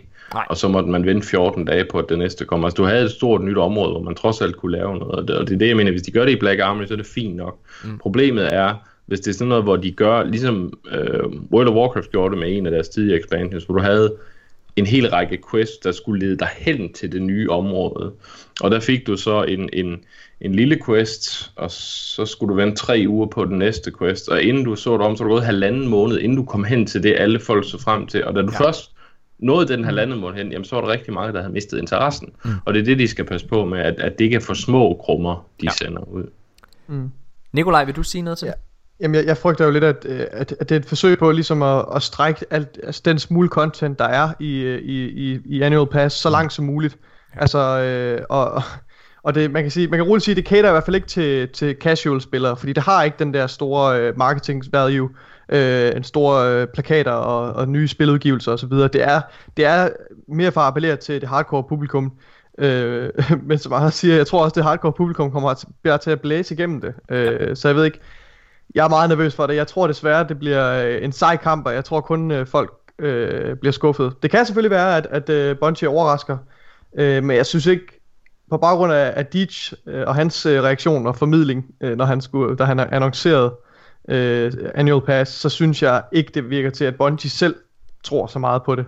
De, vi har ikke engang set øh, noget ordentligt øh, hvad hedder det, reklamation for det, eller, eller nogle øh, store annonceringer, eller Vidocs, der følger op til. Det er tydeligt, at der er ikke særlig meget at vise. Øh, det er i hvert fald det indtryk, jeg får, medmindre jeg har mistolket det fuldstændig. Jeg, øh, jeg har fra starten af sagt, nu prøvede jeg at lege Jones advokat lidt før med Dreaming City, øh, men jeg har fra starten af sagt, at jeg er mega nervøs for Annual Pass generelt. Øhm, og det er jo en af grundene til, at, øh, at jeg virkelig har slået meget på trummen omkring, at Destiny 1 kommer ind i Destiny 2, fordi jeg har ikke, altså, jeg tror også det sker, men jeg har også sagt fra starten af, jeg ved ikke hvornår det sker. Altså fordi Bungie har gjort så mange ting, der i min optik tyder på det. Men hvornår det i så fald sker, aner jeg ikke. Og, men det er klart, at hvis jeg skulle selv vælge, hvornår det skete. Så skulle det komme drypvist, og det skulle komme med Black Armory, der skulle komme en lille chunk af det, og så skulle der komme noget senere på året, sådan, så det, er, at det kan hjælpe Annual Pass med at leve. Fordi jeg tror heller ikke, at Black Armory alene kan holde os mætte og tilfredse hele vejen frem til marts. Så hvis det er tilfældet, så tror jeg også, at vi går en lidt hård tid i møde. Og jeg ved godt, at Activision og Bungie har sagt, nej nej, ingen content drought, men ah, det er jo så, hvor, som man tager det. Øhm, må se, det kan også være, at Black Armory bare overrasker mega vildt. Jeg vil, jeg vil sige, at noget af det, jeg elskede allermest i både Warmind og i uh, Curse of Osiris, det var faktisk i højere grad det endgame, der var med i det. Altså det med, at du for eksempel gik rundt og lavede de der uh, Forge uh, ting i, um, i, i Curse of Osiris og Warmind, hvor du grinded catalysts osv. Og vi skal også huske på, at med Black Armory, ud fra gamle interviews, så, så ved vi også, at, øh, hvad hedder den, øh, Trials of Osiris, eller Trials of the Nine, eller hvad det bliver kaldt, og Faction Rally vender tilbage med den DLC. Og det tror jeg kommer til at gøre rigtig meget. Mm. Ja. Det gør det helt sikkert. Jeg er ret spændt på at se uh, Trials, altså fordi de sagde jo, de, og, og, og, og hvad hedder det, Faction Rally også, fordi de har, sagde jo, at de vil lave nogle, nogle store ændringer på de her ja. uh, events, før de vil vende tilbage. Øh, så det tror jeg helt sikkert også kommer til at trække rigtig mange spillere tilbage. Ja, præcis. Lad os holde en øh, kort pause, og så øh, fortsætte med, med gennemgang af nyheder.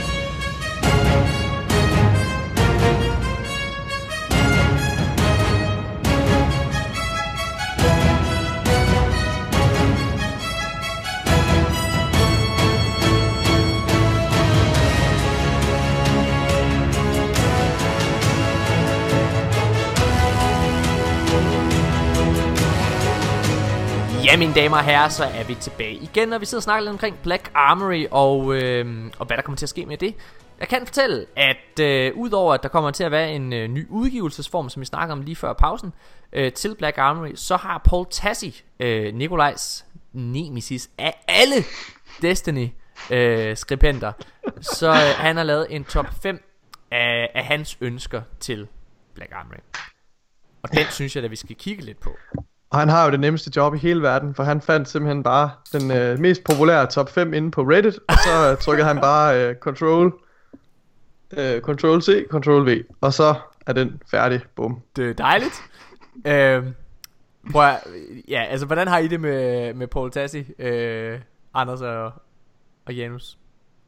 Øh, Jeg kan godt lide ham. Jeg synes, at øh, jeg synes, han skriver nogle øh, fornuftige ting. Om det er 100% stjålet på Reddit, det, det, det skal jeg ikke kunne sige. Jeg, jeg, jeg, jeg har ikke læst den pågældende Reddit, tror jeg. Jeg synes også, nogle gange får han også, han får også, hvad kan man sige, øh, han bliver skudt i skoene, at han bare tager noget fra Reddit, som i øh, Reddit-community snakker om et eller andet, så skriver han en artikel om det, og det er fornemt, hvor jeg har det sådan, at jo, men hans artikel er jo ikke til dem, der læser Reddit, det er jo til alle de andre, der ikke læser Reddit.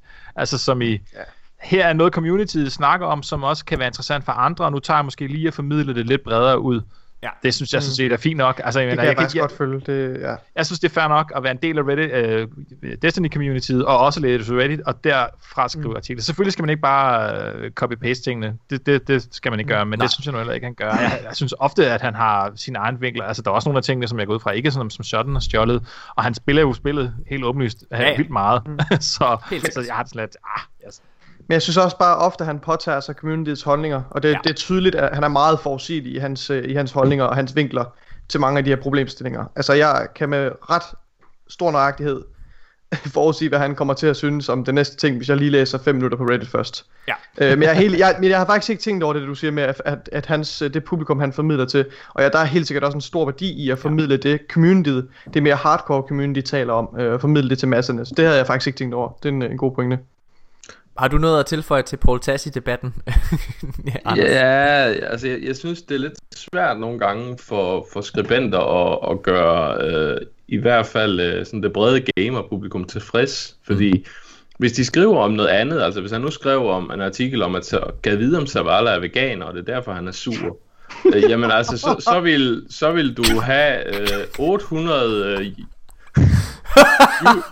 800 YouTube-influencer, som ville skyde ham i skoene, og Paul Tassi, han, han øh, er ho- overhovedet ikke, han ved ikke, hvad gamer vil have, og han skriver ikke om det, vi vil høre om, og, og hvis han så skriver om det, som community, som et hele taler om, hvilket giver mening, eftersom han er en del af det community, jamen så er det også forkert, fordi så stjæler han det bare fra Reddit. Altså, jeg ved ikke helt, hvad han skal gøre. Altså, jeg synes, han er en glemmer. Han skriver fint, og Hvorvidt jeg er enig i hans top 5, det er egentlig ligegyldigt, men, men de artikler, han skriver, synes jeg, er- han formulerer dem ganske fint, og ja, jeg kan Ja. ikke se noget galt med det. Ja, Jamen, så, øh, så, så, ja. så, sådan synes jeg, det største problem er med, med, med sådan en som ham, og også ham, der hedder Eric Kane, som ikke skriver så meget om Destiny, men mange andre spil, det er, at det er meget, meget tydeligt, at de skal, øh, de skal levere en hel masse, altså som i, øh, de er jo ikke ansat af Forbes som sådan. Nej. De har sådan mere sådan en anden form for freelance-kontrakt, og det gør, at de skal bare opnå x antal kliks per dag. Ja. Og så er det bare helt ja, okay. tydeligt, at de sidder og kigger på salgslisterne og siger, jamen Fortnite er det mest populære, Pokémon Go er det mest populære, Destiny 2 er det mest populære. Og jeg tror, der tror jeg så oprigtigt, de vælger de ting, som de også selv er interesseret i at skrive om, men de er bare pinedøde tvunget til at finde på mere eller mindre en Destiny 2 artikel om dagen. Ja. Eller en af de andre. Ja, og det det gør, at det bliver sådan lidt tyndt en Ja. gang imellem. Ikke? Men omvendt, så kan man måske også bare sige, han sidder jo og kigger på, hvor mange folk, der læser hans artikler. Det er snart, folk ikke læser dem længere, så skriver han jo om noget andet. Så med andre ord, der er altså noget, der klikker ind på det. Han er Eurogamer, har, altså .net, har fået masser af kritik for, især i Destiny 1's tid, levetid. Uh, Stealth the Destiny article, det ved jeg ikke, om mærke til. Men uh, Eurogamers læsere var super trætte af, hvor mange artikler, der kom om Destiny på Eurogamer. Og der må man jo bare sige, Jamen, de skriver kun artikler om Eurogame, eller om Destiny, fordi de bliver læst. Altså, så kan det godt være, at der kommer en kommentar ned over mig, at de er trætte af det. Men de sidder jo bare og kigger på tallene ja, og kan sige, ja. folk vil super gerne have noget Destiny-content, Ja. ja. så laver vi det, altså. Ja. Længere er den jo ikke. Ej, men jeg, jeg, jeg, jeg, jeg, jeg, jeg er faktisk ret enig med dig, Anders, men jeg vil sige, bare lige, fordi jeg synes også, Paul Tassi er en idiot, men det er fordi, det handler mere om det her med, altså det, det er simpelthen en gammel kæphest, fordi han i, i, i tilbage for, øh, for et halvt år siden sad og sagde, altså, alt det samme som alle de der øh, YouTube øh, content creators der de, øh, de, de sagde, altså hvor de simpelthen bare havde en ja, i, i objektivt set forkert holdning omkring øh, omkring for, øh, Destiny. Nå, det er vi snart nok om. Han har lavet en fin øh, en top 5, øh, og det er hans ønsker til øh, hvad hedder det Black Armory. Og jeg synes om ikke andet det er et fint øh, øh, samtaleemne.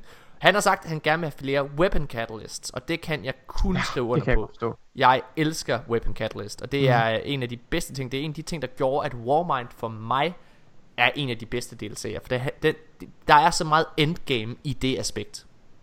Jeg kører hurtigt videre. Derudover så øh, vil han også rigtig gerne have, at Arms Day kommer.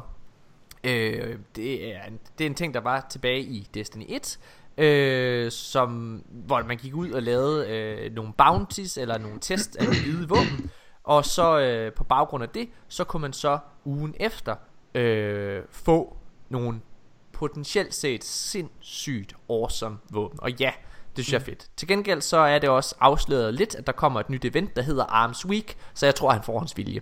Øhm, Må jeg knytte en kommentar til det? Ja.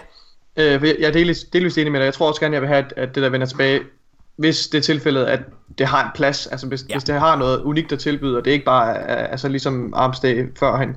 Jeg, jeg er kæmpe fan, og jeg synes, det er mega vigtigt, at der er sådan nogle, øh, at der er nogle bestemte veje, man kan gå for at få nogle bestemte rewards. Øh, så, så, så man kan sige, okay, den her, det her våben vil jeg helt vildt gerne have fat i. Hvor, skal, hvor får jeg fat i det her våben? Om så skal jeg spille noget Armsday eller Arms Week osv. Det, det synes jeg er fedt, at man går sådan og jagter forskellige items i, i forskellige hvad hedder det, grene af Destiny øh, mm. hvad hedder det, spillet. Det synes jeg er mega nice. Ja. Øh, ja. Øhm, ja, og, øh, og så siger han, øh, at øh, han også gerne vil have nogle, altså nogle konkret nye våben og nye perks til de her våben. Og det, det kan jeg kun skrive under på, at mm. øh, altså, det er altid fedt at få noget helt nyt frem for at få et eller andet reskin, eller ja, øh, og, og det vil jeg bare lige sige, det tror jeg også vi får. Jeg tror det er det hele Black Armory som sådan handler om. Så ja, der mangler også nogle nye perks, som, altså de der top tier perks, som ja, ikke bare er, er Rampage Outlaw eller uh, Firefly Outlaw kombinationen, som bare dominerer alle uh, God Roll våben i hele Destiny 2. Der mangler sgu lidt noget, noget variation uh, blandt de der top tier perks, det gør der virkelig. Så gengiver han uh, lidt Anders uh, stemme her, fordi han siger, more story than that damn Thunderlord quest. Uh, mm. Det er jeg meget spændt på, om vi får. Jeg er, altså, jeg, jeg, jeg, jeg hæfter mig rigtig, rigtig meget ved, at de aldrig nogensinde har skrevet, at vi får en ny story. Øhm, og vi får i hvert fald ikke ny, altså vi får ikke en campaign, som vi kender det. Jeg er ret sikker på, at vi kommer til at få stories, som vi har set det med øhm, Dreaming City, hvor de der missioner er tilgængelige. Og desværre også det, vi har fået med, med Thunderlord. Altså jeg tror simpelthen, det er det niveau, vi kommer til at få. En, nu kan man ikke se det, men jeg laver øh, sådan, hvad hedder de der flueben, hvad hedder det, An, an, anfølgelsestegn, anfølgelsestegn, øhm, ja, altså, øh, at vi får en kampagne i godsøjen. Ja, og så uh, an expanded zone, if not a new one. Og til det, der ved vi, det får vi. Uh, hvad hedder det? Ifølge Anon the Nine, så kommer vi til at få et nyt område på EDC, hvor, um, hvor vi kommer også til at, hvor vi også kommer til at få, hvad hedder det, um, uh, det, det der nye uh, uh, Escalation Protocol-agtig event på EDC. Mm.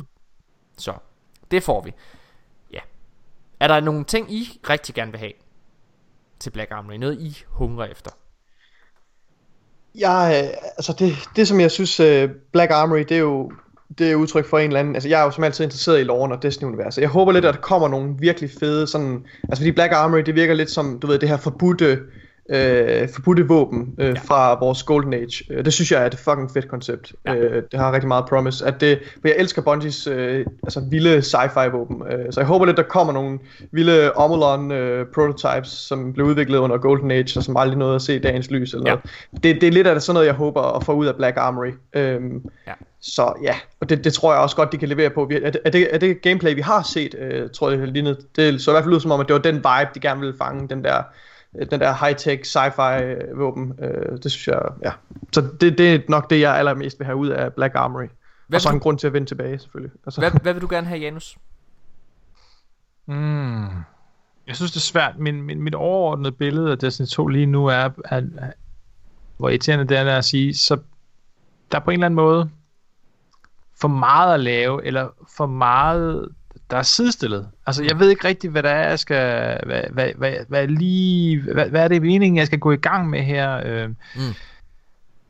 sådan, der, der synes jeg, at, at på en eller anden måde har det, jeg synes, at øh, det her med, det der med, at vi har snakket om, at, at vi gik fra, fra altså, hvad hedder de, roles i våben og nogle meget klare øh, pladser til, til Destiny 2-systemet, hvor at der var lavet lidt om i det, men der var ikke nogen roles, og så nu her med Forsaken, så er det ligesom bare kastet alting ind, ikke? Altså, ja. der er Catalyst, der er Masterworks, der er roles, og de kan skifte pladser rundt, og, og nu bliver det så ikke helt, som man selv kan bestemme nøjagtigt, hvor, hvilket slot man har sin våben i, trods alt det er dog bundet i våbnet, ikke?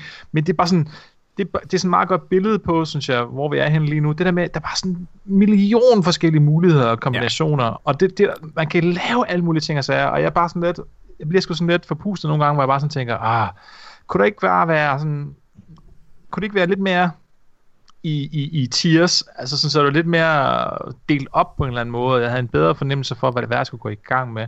Altså sådan, jeg sad lige og tænkte i forhold til det med, med Armsday for eksempel, ikke?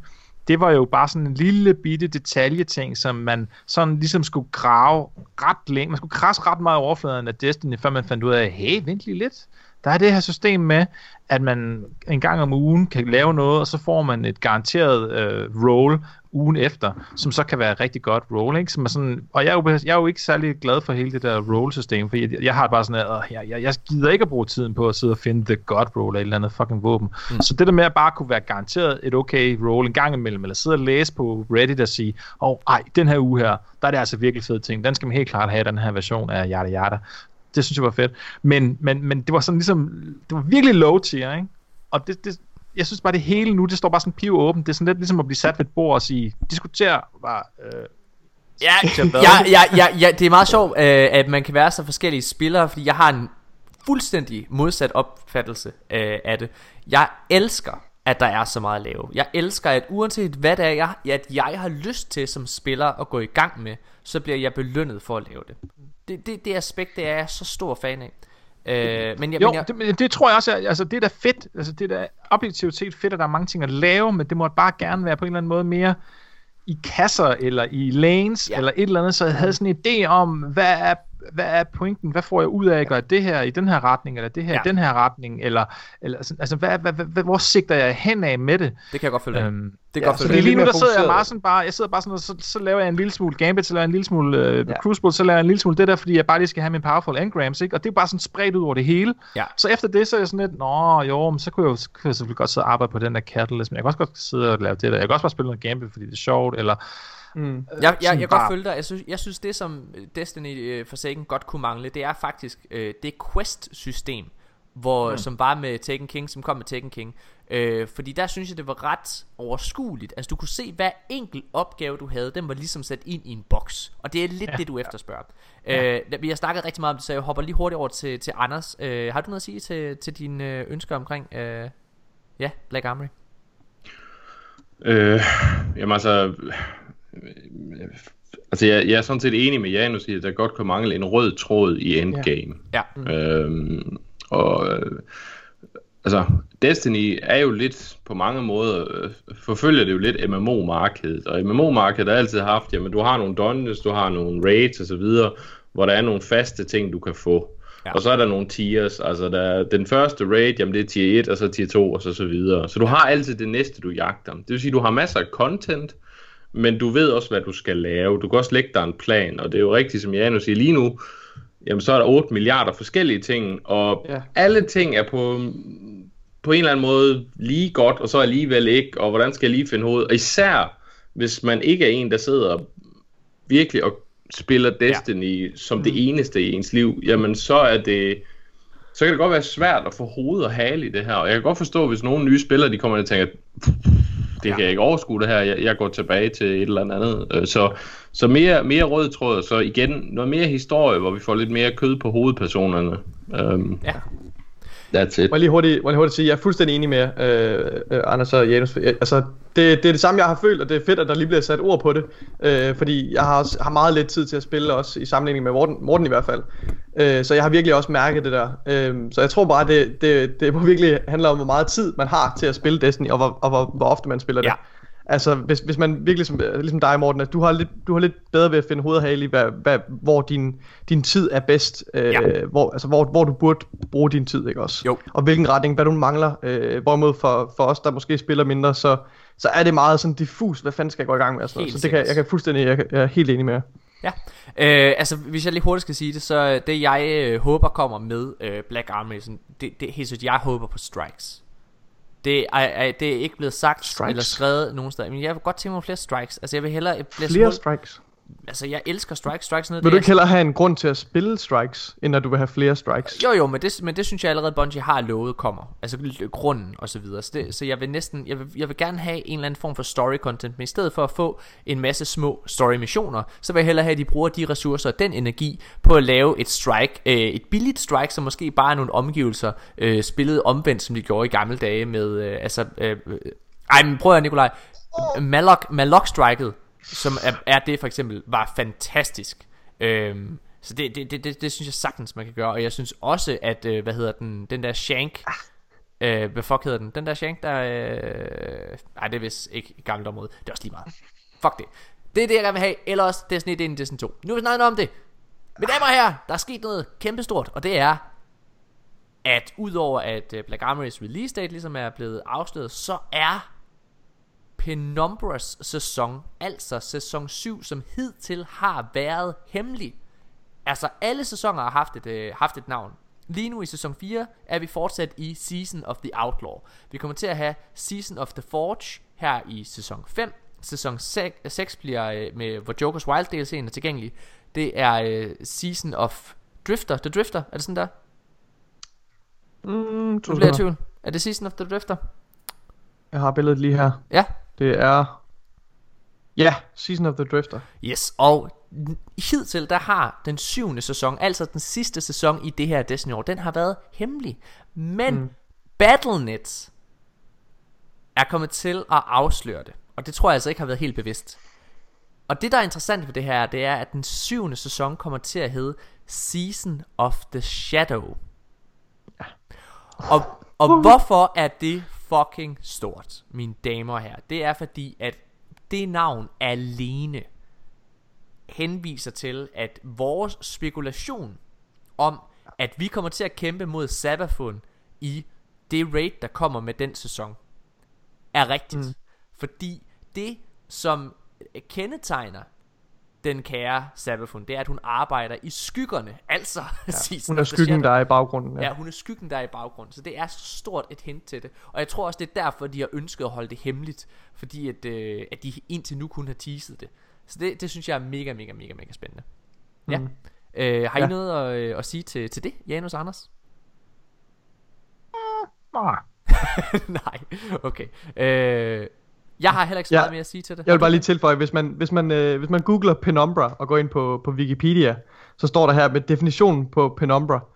The penumbra is the part of the shadow where the light source is only partially blocked. Øh, så der er lidt, der foregår et eller andet spil der med, med noget skyggerne og noget, en eller anden grænseflade mellem mørket og lyset og sådan noget. Det er, det er tydeligt, at det, det, det er det tema. Jeg føler, det er historien fra Forsaken, der ligesom, der, der indsnæver sig, og vi når, vi, vi nærmer os en slutning øh, på den. Jeg tror helt sikkert, det styrker vores, øh, vores teori om, at, øh, at vi skal kæmpe mod Savathun, når vi når dertil. Hvilket er fucking fedt. Øhm, derudover så er der også øh, kommet lidt ekstra information inden for Battlenet omkring, hvad Black Armory indeholder. Øhm, og der er ligesom sådan en eller anden form line list over items, eller hvad man kalder det. Øhm, og det de skriver, det er, at der kommer til at være Lost, The Lost Forges. Hvad det er, det ved jeg ikke helt. Og så har de skrevet New Raid. Det tror jeg er en fejl. Folk er virkelig, øh, virkelig hæftet så meget i, at der står nyt raid og ikke nyt raid lair. Jeg er, det kan godt være, at de bare ændrer navnet. Altså igen, Crotus End blev kaldt et raid, men det er sammenligneligt med et raid lair på grund af sin størrelse. Så jeg ved ikke, jeg ved ikke hvad, om man skal lægge noget i det. Så er de skrevet Exotic Weapons, Quests, Triumphs og Collections. Bum. Det er, ja, der er ikke så meget at, at gå efter der, men øh, det er fint. Det er dejligt. Alt er dejligt. Jeg glæder mig ret meget til Black Armory. Øh, og faktisk ret spændt på det. Jeg tror virkelig, det bliver, det bliver Bungies største test nogensinde som spiludvikler, fordi de har virkelig lovet meget med Annual Pass, og jeg er meget spændt på, om de kan, om de kan klare det. Og nu når vi sidder lige og siger nye quests, så kan jeg fortælle jer, at øh, her med sæson 5, som kommer den 27. november, det vil sige næste uge, der kommer der altså også en øh, ny quest i Gambit, som er sammenlignelig med, altså det er en pinnacle reward, altså en, øh, øh, en belønning, ligesom Lunas Howl øh, og øh, Redrick's Broadsword, noget af den stil, som du kun kan få inden for Gambit. Det er mega, mega fedt. Ja. Mine damer og herrer, vi holder en super, super kort pause, og så fortsætter vi gennemgang af de her meget spændende nyheder.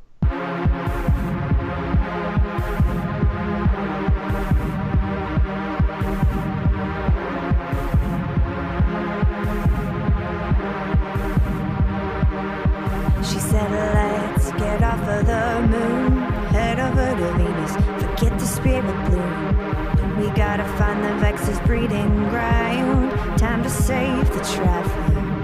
Need to stop the darkness now,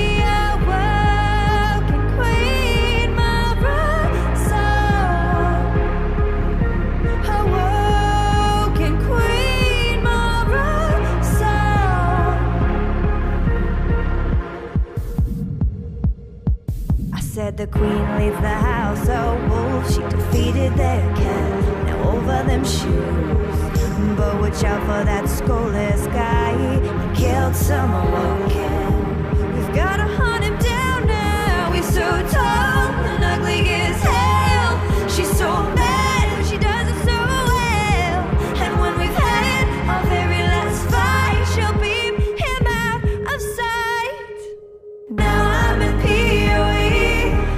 Facing down the prisoners with my weapons from and firebolts and radiant skin. Say you'll see me again. Hope I make it back to the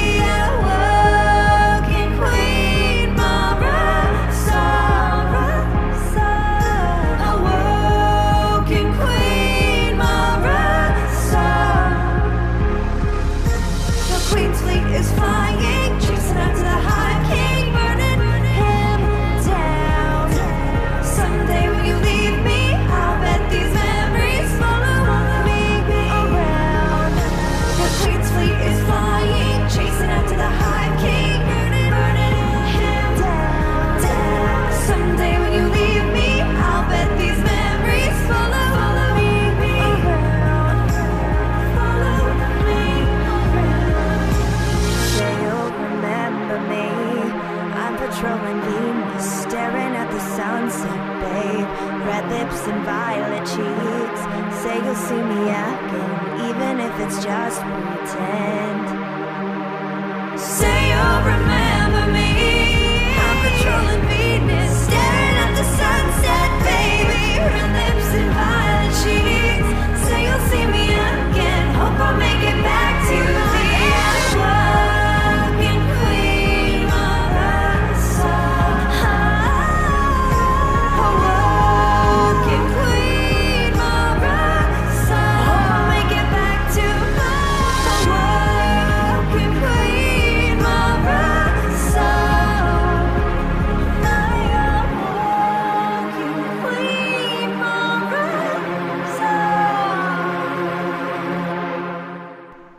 Ja, mine damer og herrer, så er vi tilbage igen, og vi skal til at gennemgå resten af nyhederne, og det tror jeg faktisk, vi også kommer igennem ret hurtigt, fordi, mine damer og herrer, inden på øh, den, øh, for øh, this, i This Week at Bungie for øh, i sidste uge, tror jeg det må være, der øh, blev der forklaret, at udover at det blev afsløret, at øh, sæson 4 slutter den 27. november, og det vil sige, at sæson 5 starter den 27. november, altså en uge før, at Black Armory rent faktisk dropper.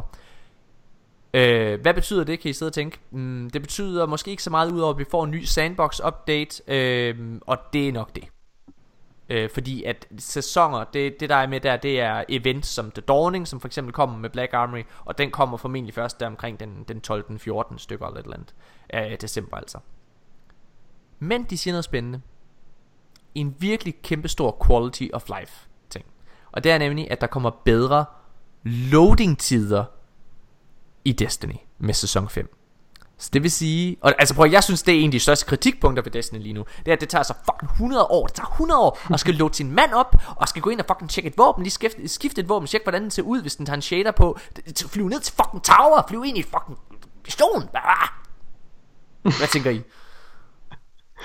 Jeg tænker, det varierer meget. Det afhænger lidt af, af connection. Jeg har oplevet nogle gange, når man skal ind i en Crucible-kamp, at det kan tage rigtig lang tid. Også loading times mellem runder, når, når der er nogen, der har dårlig connection. Men ellers er det ikke noget, jeg tænker rigtig over. Altså, den tid, den tid hvor øh, jeg er ved at flyve ned til en eller anden location, der går jeg ud og tager en sodavand, eller det ved jeg ikke, øh, klør mig i røven eller et eller andet. Altså, det, jeg kan finde noget andet at lave i den tid. Det, det generer mig sgu ikke. Er det, er det så nu, jeg skal fortælle jer, at på PC er der kun loading-tider, når du starter spillet, og derefter er der slet ingen? Bah! Ah, det er løgn! Er det rigtigt? Er stort set. Ja. What the fucking shit. Det vidste jeg ikke. Det mener jeg. Jeg sidder What faktisk sådan, ær- ærligt, helt ærligt, jeg er ret målløs lige nu. Okay. Nå, jamen, så bliver det fedt, at vi på konsollerne også kan, kan have et godt spil. Jens, øh, har, du, øh, har du noget at sige til loading-tider? Ej, ej, jeg vil sige, at uh, der er loading-tider, når man skifter zoner. Altså, så den klassiske der med rumskibet i, i luften, det ser man også på PC. Men, men Ja, jo. ellers... Nå, Nej. okay. Ja, jeg tror, det er det, du mente. Ja, det var også det, jeg forstod. Ah, ja, men, men nej. Men det andet der, mm, nej. Det, det har vi ikke. Ja, ja, ja. Til gengæld har jeg heller ikke særlig meget content. har du Altså, ja, strike ja. ja. en anden pistol mere, end vi har? Eller? eller? Ja, og, og, med, og med den generelle kvalitet af strikes i Destiny, så om vi har tre eller fire af dem, det er vist lige meget. Ja, det er ikke rigtigt. Hvad hedder det? Lad os, øh, lad os fortsætte. Øhm, der er den næste nyhed, det er, at der jo altså kommer Game Awards, som er øh, en ting, som endelig er begyndt at blive lidt stort igen. Det synes jeg er mega nice. Øhm, og det er, øh, og der i, i år, der er Destiny nomineret til to kategorier. Destiny 2 Forsaken er øh, nomineret til Best Ongoing Game og Best Multiplayer Spil. I ongoing, I ongoing game, der er den oppe imod Destiny 2 Forsaken er oppe imod Fortnite. No Man's Sky, Overwatch og Tom Clancy's Rainbow Six Siege. Ja, den vinder det. Det er jeg sgu ikke sikker på. Jeg tror sgu Fortnite vinder. Nej! Det frygter jeg. Det frygter jeg. Ja, altså, No Man's Sky kommer ikke til at vinde. Det er helt sikkert. uh, hvad hedder det? Men, Nej, det tror jeg sgu heller ikke. men uh, Overwatch tror jeg heller ikke vinder sammenlignet med Destiny lige nu. Murray. Uh, fordi, og, og, og selvom at Tom Clancy's Rainbow Six Siege klarer sig godt og har virkelig god uh, feedback og alle mulige ting, så, um, så må jeg sige, at jeg tror simpelthen, den, den, alt det som Fortnite har formået at gøre i løbet af det her år her, det tror jeg ikke øh, Destiny 2 kan, øh, Forsaken kan, kan konkurrere med. På, altså på trods af den svanesang Destiny endnu en gang har formået at, at gøre øh, Destiny til. Øh, altså det er jo fugl Phoenix, øh, der rejser fra asken øh, endnu en gang. Det, jeg, jeg tror simpelthen ikke det kan konkurrere med, med Fortnite. Jeg tænker I ikke det samme, øh, Janus Anders? Altså sådan nogle her awardshows, det er jo altid på en eller anden måde en popularity contest, Ja. mere end det handler om Ja. ja. reel kvalitet. Så ja, jeg kan ikke, jeg kan ikke se andet end at, end, at- end at Fortnite øh, vinder. Altså, hvornår skulle de ellers vinde, om man så må sige? Ja. Ikke? altså, det er, det, det, det, det, det er et fænomen. Der, der er sgu ikke nogen, der går og danser Destiny-danse ude på, på folkeskolerne lige nu, men det danser Fortnite-dancing. Øh, og nu så jeg tilfældigvis, øh, det ved jeg ikke, om jeg har fulgt med i, men, men altså, øh, Fortnite har jo som udgangspunkt overhovedet ikke noget øh, historie eller noget som helst. Ikke? Det er jo bare et multiplayer-spil, som er det samme map altid, men de har jo så sådan nogle sæsoner, som de er begyndt at lave sådan nogle events øh, lidt ala, altså sådan one-off events lidt ala øh, World of Warcraft havde, har. Og der så jeg den her, den seneste, som er sådan en afslutning på sådan en mærkelig cube, der var der, øh, når man loggede ind, og så, så pludselig begyndte den at snurre rundt, og så så man sådan en lille cutscene med sin egen mand, hvor man, så var der sådan noget lys, og så kom der sådan en sommerfuld hen og satte sig på ens arm, og så blablabla, og så låste man tilbage i mappet, og så var mappet ændret. Altså, det er bare fra sådan en rent teknisk perspektiv virkelig imponerende, altså man bare sidder og tænker, vent lige lidt, altså der er 100 spillere rundt omkring på mappet, mm. og de kan jo skyde på hinanden, jeg tror, det PvP blev lige disabled der, og så kommer man ind i ens egen lille cutscene med, med den mand, man nu engang har loadet ind der, altså ikke bare sådan en, en generisk mand, men ens egen mand, mand, og så ud igen til, altså det var sådan lidt, hmm, det er alligevel øh, ret imponerende. Mm. Om det var den store, øh, kæmpe store oplevelse, det ved jeg ikke. Jeg er sikker på, at Fortnite-fans synes, det var kæmpe fedt. Så de gør nogle ting, som er ret imponerende, og jeg, jeg, jeg altså hatten af til, til Epic for at, at se, hov, vi tjener en masse penge, og så ikke bare sidde og hvile på lavbanen. Altså bare så sige, okay, Nej, de droppede jo... Øh, de droppede Paragon, var ikke det der, deres andet spil hed? Det lukkede de ned for at sætte alle ressourcer ind ja. på Fortnite. Lad mig også bare det der med, at de så at de også satser noget, ikke? Altså, de gør et eller andet ved det. De siger, okay, fint nok, altså, nu er der så og så mange millioner mennesker, der spiller her. Nu skal den med også bare have fuld skrue. Så, så, du ved, man kan ligesom fornemme, at de bare siger til, er der nogen, der har nogle gode idéer til, hvordan vi kan gøre det her endnu federe, end det rent faktisk er? Eller det, er det, det, det, det må jeg skulle sige, at den af for. Og spillet så i mine øjne er komplet ligegyldigt. Ja. Og røvhammerende sygt, altså, det er sådan Ja. noget andet. Men, okay. Hvor jeg, som gammel Commandos-fan, så siger jeg bare, at jeg synes, det er godt at se, at Epic klarer sig godt igen.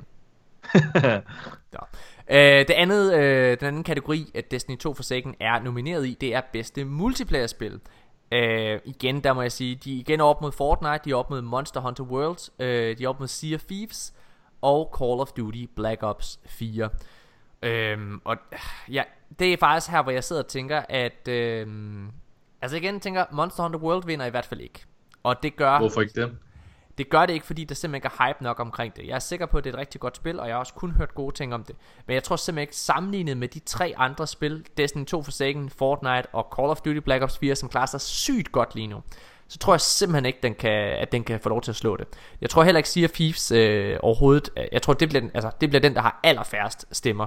Øhm, Ja, Ja, ja, ja, Men ja. Jeg, jeg, jeg er ret uenig med dig omkring Monster Hunter World. Hvis du ser, øhm, hvis du ser mængden af spillere, det har på Twitch for eksempel øh, generelt, og også, øh, også den kritiske modtagelse, det har fået, altså af, af anmeldere og så videre. Nu ved jeg godt, Game Awards er lidt svært, fordi der er også her fra Danmark kan også gå ind og, og stemme på, på, på så, så det, der er nok ingen tvivl om, at det er Fortnite, der render med begge priser. ja, præcis. Men jeg, jeg kunne sagtens se Monster Hunter World blive nummer to i den kategori, også over Destiny.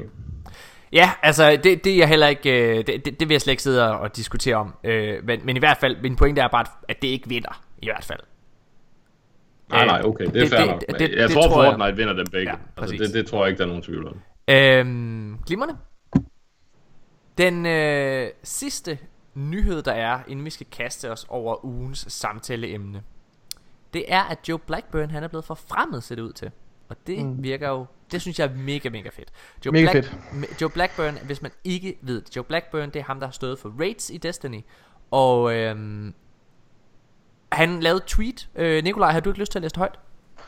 Øh, jo. Altså, nu skal jeg lige finde det jo. Ja, men jeg kan også, Men, øh, ja. Jeg kan også selv men jo, gøre det kan jeg godt. Ja, det er godt. I joined Bungie because I love raids. The last four years, I've had the honor of being a, a part of the best dev teams in gaming. Of one of the best dev teams in gaming. October was my last month uh, leading the team. As I move to tackle broader challenges in Destiny, I feel blessed to have spent so much time with them as, as I did.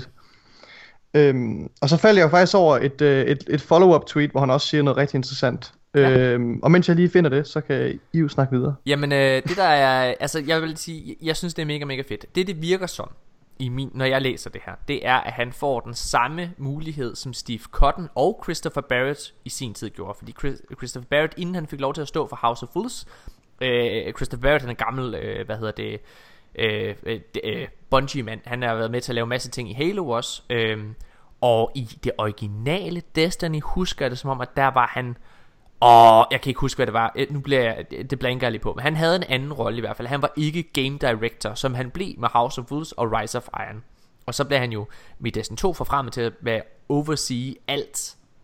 Alle DLC'er og, øh, og endgame, eller hvad man kan kalde det. Øhm, og det er jo ham, der har været med til at skabe det nuværende Destiny. Det, derudover... Man er faktisk... Oh, Ja, undskyld, jeg bare lige hurtigt sige. Og derudover så Luke Smith, han blev også, han gik også fra at lave raids til at være game director på Taken King, og så til i Destiny 2. Og Steve Cotton, han var world øh, designer i, øh, i Destiny, inden at han øh, blev forfremmet til game director på Forsaken. Så jeg tror simpelthen, det er det samme, der skete med Joe Blackburn. Jeg tror simpelthen, han har, han har simpelthen gjort sig selv værdig til at få den, øh, den samme mulighed. Så jeg tror simpelthen, han kommer til at stå for en af de kommende DLC'er, vi ser om 2-3 år. Ja. øh, når jeg lige tænker tilbage, synes jeg også, at han, han fik lidt et, øh, et Bungie executive vibe, da han, øh, da han begyndte at optræde i mange af de der Vidocs, de lavede. Ja. Jeg ved, at der er to Vidocs, han begynder, hvor han øh, var, var dem, der var med til at, at sidde og præsentere Destiny.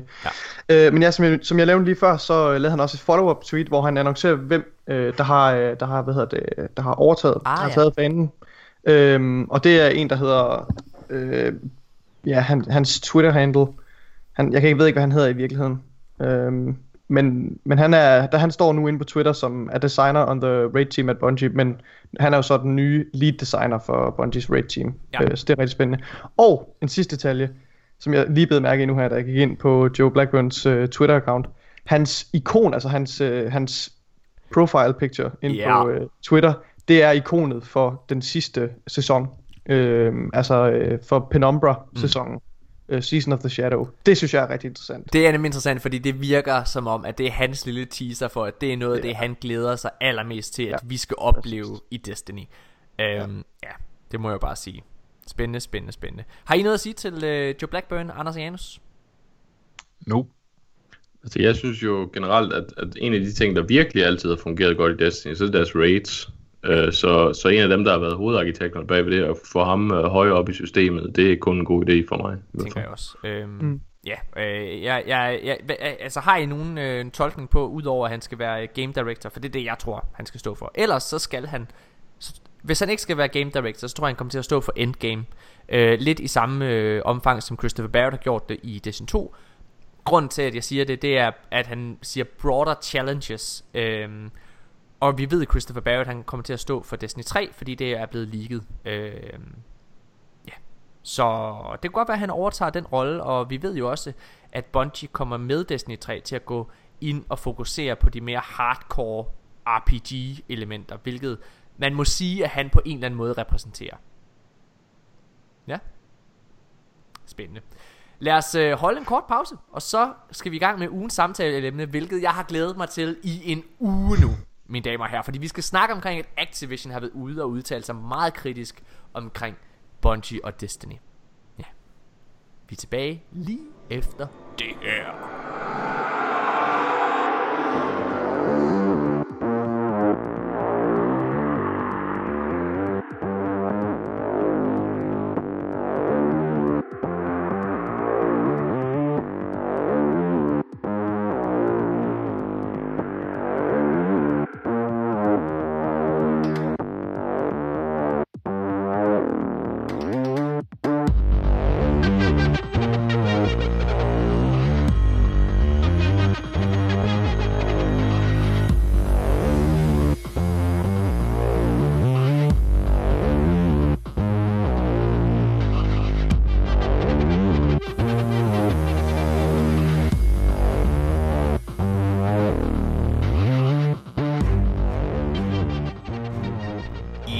Mine damer og herrer, så skal vi i gang med det. Vi skal til vores helt, helt store øh, samtaleemne i den her episode, og det er nemlig Activisions udmelding omkring Destinys øh, performance. Øhm, fordi der er jo, øh, der sker jo det, at øh, hvert kvartal, øh, der er fire i et år, så, øh, så sidder de har et earnings call, hvor Activision sidder og, øh, og taler til deres aktionærer den her Altså normalt så plejer der ikke at ske en fucking skid. Nogle gange så kommer lige nogle små teaser Eller et eller andet til en, til en kommende udgivelse Men normalt sker der ikke en skid. Den her har været mega mega spændende Fordi et Activision går faktisk ud Og i min optik meget ufortjent Kaster med lidt mudder Efter øhm, Destiny og, øh, og Bungie. Det som, øh, det som Activision går ud og siger Det er øh, Hvad hedder det blandt andet at, åh, nu skal jeg lige finde det helt korrekt, øh, korrekte øh, citat her, bum bum bum bum. De siger, at øh, det ikke har øh, performet helt så godt, som de har ønsket. Mens jeg lige finder citaterne her, er der så en af jer, der lige kan fortælle et eller andet omkring noget? Ja. Øh, det er et generelt ting, de har gjort. Øh, selvom øh, den nye Black Ops har solgt øh, for over var det 500 millioner, jeg hørte, tror jeg nok, Ja. øhm, så har det ikke været godt nok øh, for Activision. De er utilfredse. Øh, så det er, det er generelt lige nu, at Activision er ikke tilfreds, og det er jo fordi, de har sat baren exceptionelt højt. Ja. Øhm, og Er det rigtigt? Har de sagt det med Black Ops? ja, Det har de jeg er slet også ikke hørt. utilf- utilfredse Okay. med Black Ops. Wow. Okay, det er, Så, ret, øh, det er ja. ret vildt, altså fordi at det, altså prøv at høre, helt seriøst, nu siger jeg bare noget, ikke? Destiny og, og, og, og øh, Destiny og Call of Duty er generelt øh, nogle af de øh, bedst indtjenende spil for Activision.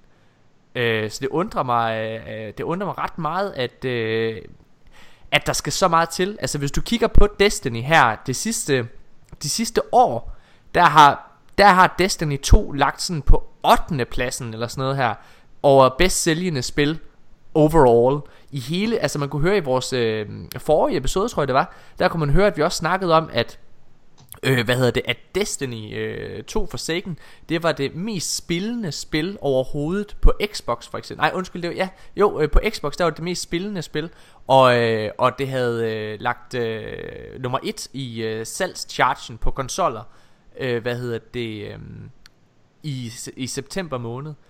Så altså, den har solgt virkelig godt. Øhm, så hvad det er, det mangler, det tror jeg, vi skal snakke lidt omkring. Øhm, og, øh, og hvad det eventuelt kan betyde. Nå, nu har jeg lige, øh, ja, nu har jeg ligesom, øh, nu har jeg lige fundet øh, et lille citat her. Og det er, at de, øh, Activisions øh, CEO, Cody Johnson, han siger, We have not yet seen the full core re-engage in Destiny. Og, Hvad er det øh, også for et ord i øvrigt? Hvad, altså, hvad, hvad fanden er det for noget? Kommer full core re-engage? Altså, det lyder som om, han er en eller anden edgelord fra 80'erne. så derudover så siger han også, øh, altså som follow-up til we have not yet seen the full re-engage, uh, the full core re-engage in Destiny, which has uh, led to the underperformance against expectations to date. Some players are in wait and see mode. Uh, if you're in, you're deeply engaged. If not, we think uh, now is the time to play, bring players back. Okay. Så det, og det, det er lidt det, der bliver sagt. Um, så øh, der er altså i Activisions optik ikke nok, der sidder og spiller det, hvilket jo er mega, mega interessant, fordi at Forsaken har klaret sig, altså prøv at høre, måske har Forsaken ikke klaret sig godt nok i forhold til Activisions forventning, det kan jeg ikke, det, det, det, det har den jo så åbenbart ikke, og det må vi jo så diskutere, men altså man kan ikke komme udenom, at Forsaken har solgt røven ud af bukserne, og den har klaret sig sindssygt godt. Altså, det er indiskutabelt. Og det er også, jeg kan huske, der var en lignende situation en gang, hvor Square Enix udtalte sig, øh, det var dengang Tomb Raider blev, øh, blev rebootet, øh, dengang med Lara Croft, der blev, der Tomb Raider, den solgt mega godt. Den, altså det her reboot af Tomb Raider, det første, det klarede sig røv godt, og der var Square Enix også sådan ude og sige, hm, det er ikke godt nok. Vi havde regnet med mere. Og det er sådan, what, hvad fuck snakker I om? Altså, hvad havde I forventet? Altså, altså ja, det, det, nogle gange så er det lidt, øh, ja, det, det er lidt svært. Janus, hvad, hvad tænker du om hele det her debacle?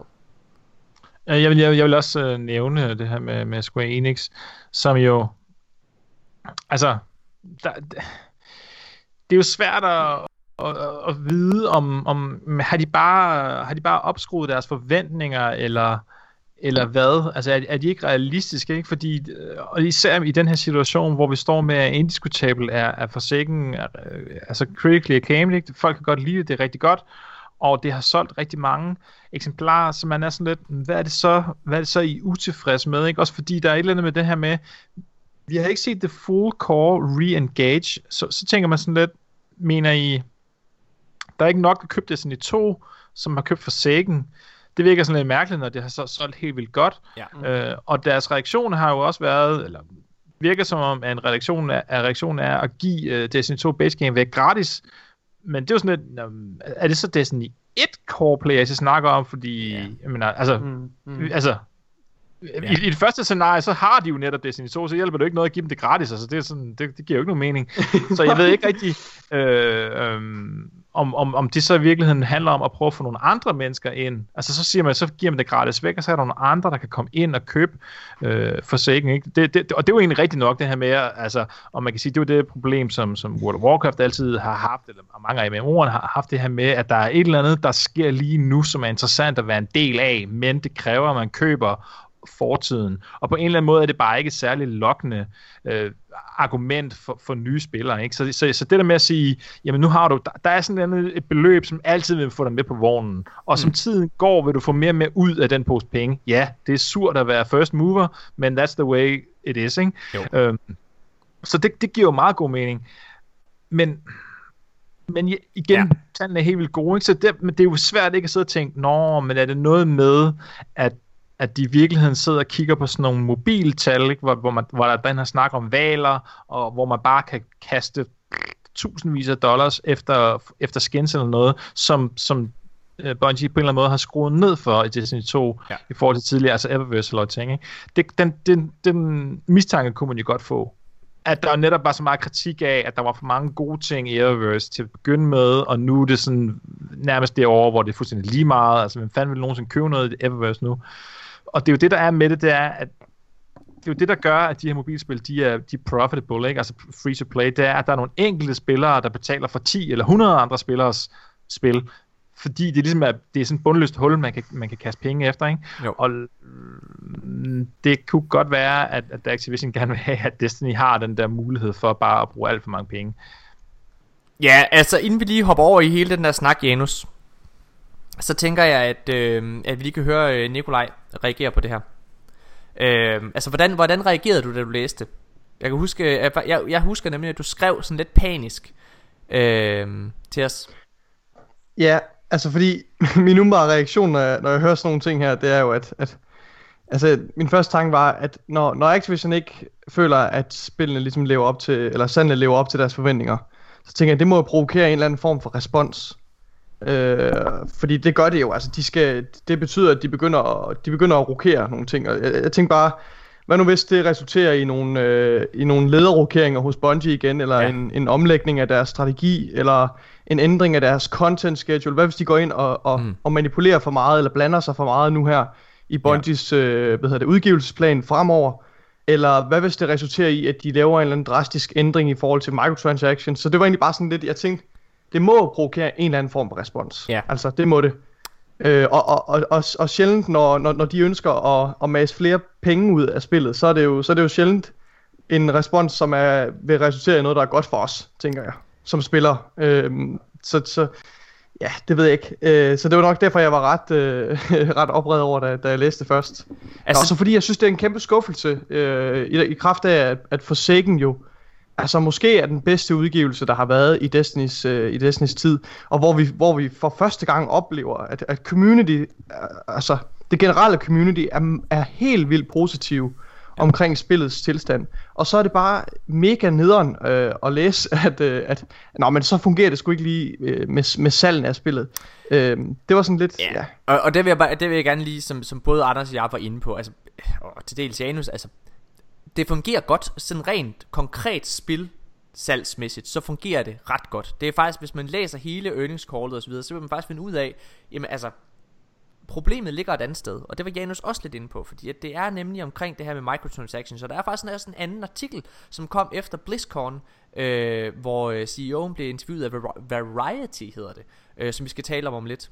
Men, altså, jeg, jeg synes, øh, jeg synes, der er noget, der er værd at tage med, og det er faktisk, at det er første gang nogensinde, at jeg mærker, at Eric Hirschberg ikke er øh, in charge i Activision. Mm. Eric Hirschberg øh, har været øh, kæmpe, kæmpe, kæmpe forkæmper for Destiny, øh, inden han ligesom stoppede her i, øh, i starten af året. Øhm, kæmpe stor fortæller for Destiny, og sådan virkelig, altså han var med, han lavede sådan tweets dengang, at det, Destiny 2 launchede, for eksempel, han stod sådan med, med Destiny armor fra live action øh, traileren og alle mulige ting, altså kæmpe fortæller for Destiny. Mm. Og efter han ligesom er smuttet, så synes jeg faktisk, at mange af de fordomme, der har været omkring Activision, de er begyndt at komme frem. Nemlig det her med, at Activision er øh, mega pengegriske. Og prøv at jeg ved, jeg ved om nogen, at det hele i underholdningsbranchen handler om at tjene penge. Det bliver du nødt til. Det er en forretning. Men jeg synes, at her begynder vi simpelthen at gå over i et usmageligt territorie, fordi de sidder faktisk her i det her earnings call, sidder de faktisk og siger, at Destiny klarer sig mega godt. Altså at spillerbasen, der sidder og spiller det her spil, er mega glade. Og hvis du kigger helt sort og hvidt på det, så er det også solgt ret godt. Sådan, så godt, at de fleste burde at være tilfredse, øh, som sad og, og, og udgav det her spil. Jeg garanterer dig, hvis EA lige nu blev spurgt, kunne I godt tænke jer at have Destiny? Så sagde de, please, fuck, drop Anthem med det samme, Ja. og, tage, og tage det her. Og, og grunden til, at jeg siger det, det er fordi, at, prøv at mine damer og herrer, der er jo en grund til, at alle de helt store game developers lige nu, de sidder og kopierer Destiny som franchise. Fallout 76, altså hele det, det spil som format, det er jo en konkurrent, og lavet til at være en konkurrent til Destiny-publikummet. Anthem er lavet det samme, The Division. Altså, det, det, det, det er ligesom, det, det er Talk of the Town, de har skabt en ny genre, Bungie. Og den bliver underkendt lidt i det her, synes jeg. Øhm, det synes jeg er en lille smule usmageligt. Jeg tænker også, det er muligt, at, øh, at i og med, at Destiny ikke har levet op til, til, hvad hedder det, til Activisions forventninger, at Bungie så er gået glip af en eller anden form for bonus, øh, Ja. som, som Activision jo ofte gør i forbindelse Ja. med, med udgivelse af nye spil, enten i, form, altså, enten i forhold til, sådan, øh, til anmeldere, eller anmeldelser, eller i forhold til, til salg, er jeg sikker på, at de har nogle bonusser. Ja. Det er jeg ked af, at øh, hvis, det frustrerer mig også lidt, at, øh, at udviklerne og måske, eller at, at Destiny-franchisen ikke har fået lige så meget, øh, altså, til, altså fået en bonus til udvikling af, af fremtidige udgivelser osv. Ja, det ved jeg ikke, det har jeg ikke rigtig forstand på. Det, Ja. Øh, altså, jeg vil gerne hoppe videre i den her artikel øh, omkring øh, fra Variety. Øh, inden at jeg lige, øh, at vi begynder at vende Bungies modsvar til det her. Fordi Bungie kommer faktisk øh, kollektivt med et svar til, øh, til Activision og til fans på baggrund af det her. Men øh, ham her, øh, Mr. Johnson, øh, han, øh, som er CEO, han, øh, i BlizzCon, der blev han faktisk, øh, hvad kan man sige,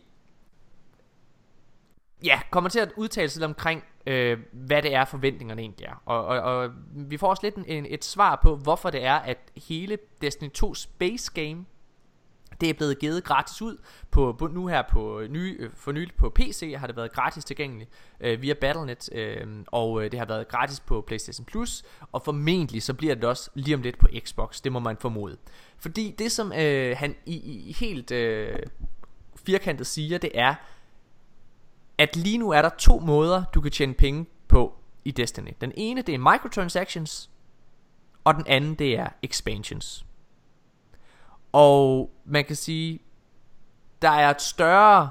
Altså det er svært at gå ind og sælge Destiny 2 Space Game og alle de andre expansions sådan på én gang. Det er nemmere, at hvis du har spillet, at du så bliver opfordret til at gå ud og bruge en masse penge på at købe expansions. Øhm, eller annual pass eller whatever. Så det er lidt det han siger. Øhm, han siger også, at Forsaken is a high quality expansion of content into the universe. Honestly, it's the highest uh, it, it's the highest quality content we've seen in the franchise to date. It really came out of Activision and Bungie working together to address community's concerns post Destiny 2 ho- hol- holistically.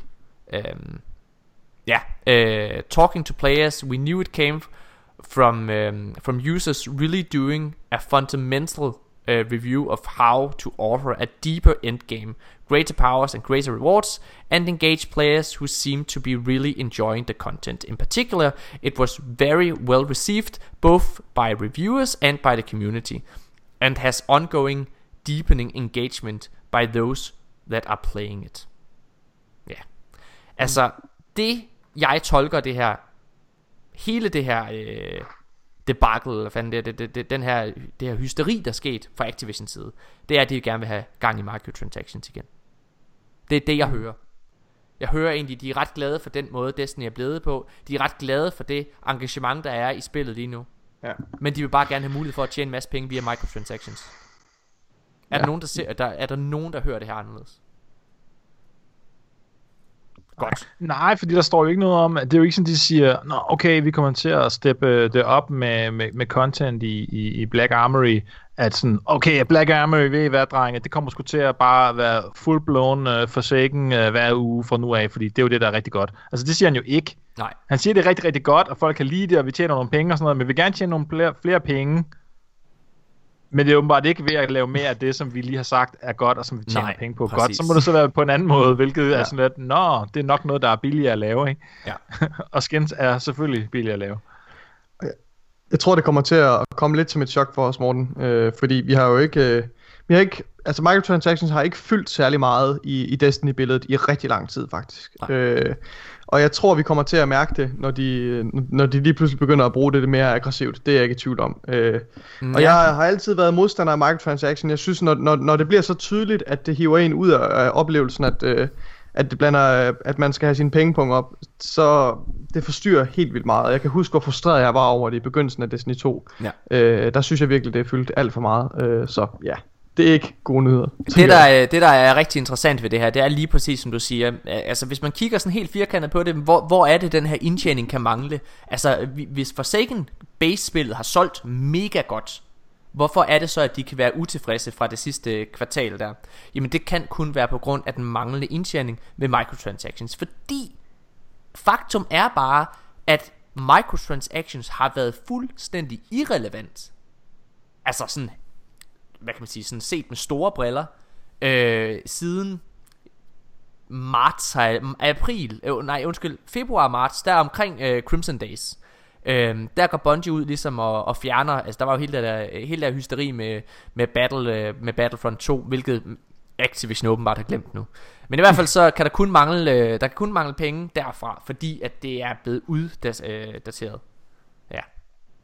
Øhm, Inden at vi lige holder en super kort pause og kommer med vores øh, closing arguments øh, bagefter, så, øh, så vil jeg bare gerne lige hurtigt vende Luke Smith, der går ud og tweeter omkring det her. Fordi alle fans af Destiny bliver faktisk ret oprørte omkring det, fordi at vi, vi har alle sammen ret stor ejerskab øh, over Destiny og, og, og, og virkelig på Bungies side. Og det virker også som om, at alle fans er på Bungies side for første gang i lang tid. For første gang nogensinde. Øhm, og Luke Smith han gik ud og tweetede følgende We are not disappointed with Forsaken We set out to build a game that Destiny players would love And at Bungie we love it too Building Destiny for players who love uh, who, yeah, Building Destiny for players who love it is and will remain our focus going forward Ja. Det er jo øhm, Ja, det er jo det, altså det er jo det man har lyst til at høre. Og, øh, og det på det, og, og med det tweet, det skaber også lidt en grøft. Øh, nu holder vi en kort pause, og så kan vi lige hurtigt tale om bagefter til allersidst, øh, inden vi slukker øh, episoden. Hvad kan det her betyde? Fordi det er jo to forskellige ting, der bliver sagt her, i min optik.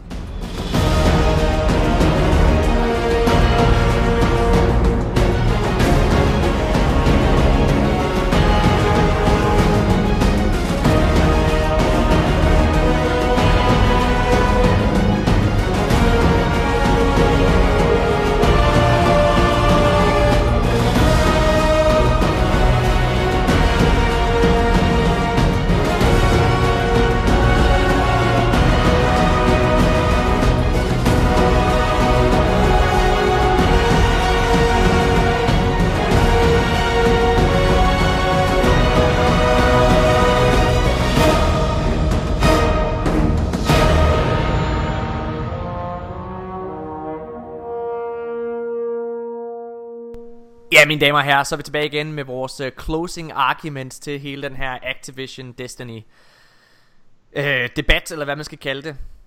Der er en kløft.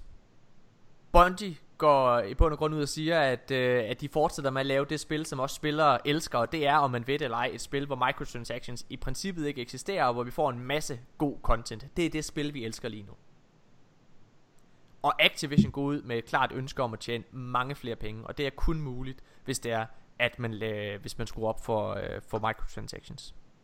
Altså, den, den kløft har vi, har vi jo kunne se i et stykke tid, synes jeg. Altså, der, det har flere gange været, hvor der har været sådan, men, men, men selvfølgelig ikke, ikke så klart som nu. Altså, nu er det virkelig, nu taler man virkelig om et split. Øhm, og jeg synes, Luke Smith gør det rigtige øhm, i forhold til Destiny som brand. Ja. Han sikrer, at jamen, fra, fremdeles så er fansene på vores side, og skulle det ske, at, at der kommer et andet split, det tror jeg ikke, men skulle det ske, jamen så, så har vi i hvert fald fanskaren bag os. Øhm, Mm. men jo, det er...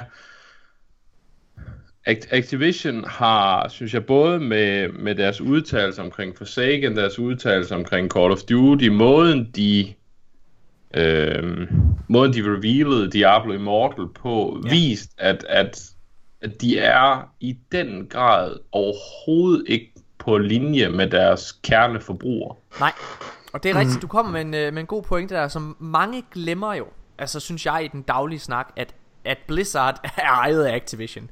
Øh, og, når det, og alle beslutninger, der, øh, hvad hedder det, der har noget med Blizzard at gøre, jamen de kommer jo i sidste ende fra Activisions øh, side af. Og, og derfor synes jeg faktisk også, øh, jamen, hele det der hysteri, der har været omkring øh, Diablo Immortal øh, Øh, til BlizzCon, og den dårlige modtagelse, spillet fik, Altså jeg synes, jeg synes virkelig at Blizzard har fået meget meget kritik som i, man, godt, man kan godt se at det her det kommer i højere grad fra Activision. En af grundene til at man kan se at den her beslutning med det her mobilspil kommer fra Activisions side, det er at det faktisk ikke engang er Blizzard der laver det. Det er en tredjeparts, øh, hvad det hedder, udvikler, der sidder og laver det. Altså, det. altså Blizzard har nærmest ikke engang hænderne inden over det. Øhm, Ja, hvilket hvis, i min optik tyder på, okay, Blizzard har siddet og tænkt, shit, kunne vi tjene nogle penge på mobilmarkedet? Det er ligesom Pokémon Go. Ja, det kunne vi nok godt med, med, med Diablo-franchisen. Jo, men problemet er også, altså nu, det er jo ikke hvem som helst, det er jo NetEase, som er kendt for at lave Diablo rip-offs, som er ekstremt fyldt med, med microtransactions, og ikke, ikke kosmetiske microtransactions. Her snakker vi altså decideret pay to win, hvor du kan betale for at få bedre våben og så videre. Ja. Øhm, og men, men det er så hvad det er. Altså man kan så sige, nå ja, men, men, men hvis du ikke har lyst til det spil, så lad være med at spille det. Ja. Altså det, det er fair nok. Men, men det, der hvor det skriger i øjnene på mig, og, der, og, og det der hænger sammen med Call of Duty og Bungie og alt det her, det er, at de vælger at reveal det her mobilspil på BlizzCon, mm. som er en, en altid har været en PC-orienteret konference, Ja. hvor du har nogle, nogle hardcore fans, som øh, som betaler flere hundrede dollars for at komme til det her show, og så vælger man, og, og det er rigtigt, at inden showet, så vælger Blizzard at gå ud og sige, venner, I skal ikke regne med Diablo 4. Nej. Ikke desto mindre, så lægger man Diablo announcement til sidst, ja. som altid er det sted, du har den største announcement. Ja. Og man er ude og sige, jamen der kommer noget stort til Diablo. Ja. Så det mindste, i hvert fald dem, der sidder ved BlizzCon, og Diablo-fans generelt kan regne med det, er, okay, så kommer der alligevel en expansion Diablo 3. Ja. Den har vi så senere fået at vide, eller i dag, at den var så egentlig, den er cancelled. Men, Ja. men det vi så i stedet putter på selve hoved, hovedpunktet i hele konferencen, det er et mobilspil, Ja. der ikke er lavet af Blizzard selv. Ja. Det vidner i den grad om, at Activision har overhovedet ingen idé om, hvad kerneforbrugeren have. Og det er fint nok, man siger, jamen, mobilspil, det er der penge i. For det Ja. er der. Altså, de kan jo se, de ejer også King, som laver Candy Crush, og der ja. tjener de oceaner af penge. Det er fair nok. Men hvis du smider hele din kernegruppe af kunder, som har været med til at bygge Blizzard op, som har været med til igennem Halo at bygge Bungie op, hvis du smider dem, jamen så får du et problem fremdeles. Fordi på et eller andet tidspunkt, mobilgruppen, de bevæger sig videre. Der skal nok komme et kinesisk spil, der er bedre på mobil, end det du laver. Og så er, det, så er den kunde væk. Og, og det er derfor, at, at, at deres læflen for investorerne er fin nok, for det skal de gøre. De er en virksomhed, de skal tjene penge. Men de er altså også nødt til at sørge for at have et produkt, som deres kernekunde egentlig gider at have. Ja. Jamen, jeg er ret enig. Janus, vil du, øh, vil du tilføje noget? Øhm, jeg synes bare, jeg, jeg synes det er problematisk, fordi at hvis man er fan af Blizzard, hvis man tager til BlizzCon, og ja, har givet ret mange penge for det, og ja, måske er, er, er, er spiller mest på PC, så må man være fan af Blizzard, fordi at det Blizzard gør, det er at tage en kendt formel, og så gøre den endnu bedre. De er ikke særlig innovative. De, de er dem, der altid øh, finpusser et eller andet til at være helt perfekt, eller giver deres egen twist på det. Ikke? Altså med Heroes of the Storm laver de deres egen MOBA osv. Og det er de kendte for. Og jeg, jeg synes helt ærligt, at hvis man kalder sig selv en Blizz, Blizzard-fan, så har de sgu, så har de optjent nok øh, goodwill til, at de kan komme og sige, hey venner, vi har lavet øh, det her spil her, øh, vi har lavet Diablo til mobil, fordi det øh, kunne være en god idé, og det der point i, det er noget, noget i, og så kan man tænke, ah, det er ikke noget for mig, men jeg synes nu altså ærligt talt, at Blizz, Blizzard, de har optjent nok goodwill til, at man så bare siger, okay, det er måske ikke lige noget for mig, mm. øh, men fair nok. Og I plejer at være dem, der kan... Hvis der er nogen, der kan gøre det her, så må det være, være Blizzard, ikke? Men det, det- det synes jeg, de, de, har, de har optjent til. Og man skal også lige huske på, at Diablo-spillet selv var altså lavet af et andet firma. De kom og sagde til Blizzard, hey, vi er i gang med at lave det her, mm. kunne I ikke tænke jer at købe det? Ja. Og så siger de, jo, og så køber de hele studiet. Så det, det der med, ah, de lavede nogle andre, ah, jo jo, så fremmed er det nu altså heller ikke. Jeg er med på, at NetEase ikke er hvem som helst, og, og selvfølgelig bliver NetEase nok ikke lige købt af Blizzard. Men, men, men tingene er ikke så sort-hvid på den måde der. Anders, du Ja, sige ja. noget? Jo, jo, men det er, altså, jeg er så vidt enig. Problem, problemet er for mig ikke, at, at uh, Diablo Immortal bliver lavet. Det synes jeg er fint nok. Og jeg tror som end også spillet skal, kan måske blive meget godt. Ja. Uh, jeg, jeg, har no, jeg har nogle betænkninger, fordi det er NetEase. Og NetEase har et forfærdeligt ry. Ja.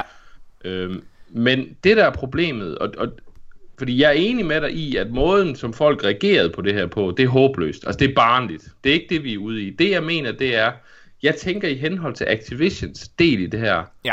det tidspunkt, de vælger at reveal det her, havde de nu plantet Diablo i midten, og så sagt, at vi har det her spil, okay, fint nok, og så bagefter, så revealer du Warcraft, Warcraft, 3 Reforged, som alle går og venter på, så havde der ikke været den her shitstorm. Jeg er så enig Men- med dig, Anders. Jeg er, simp- jamen, jeg er simpelthen så enig. Jeg synes, det det, det, det i bund og grund handler om, og det som man kan være, der kan være frygten over for Destiny, hvis man skal tage, tage den sammenligning på, det er simpelthen det der med, at Activision lidt, som du siger, overhovedet ikke har nogen forståelse for deres publikum.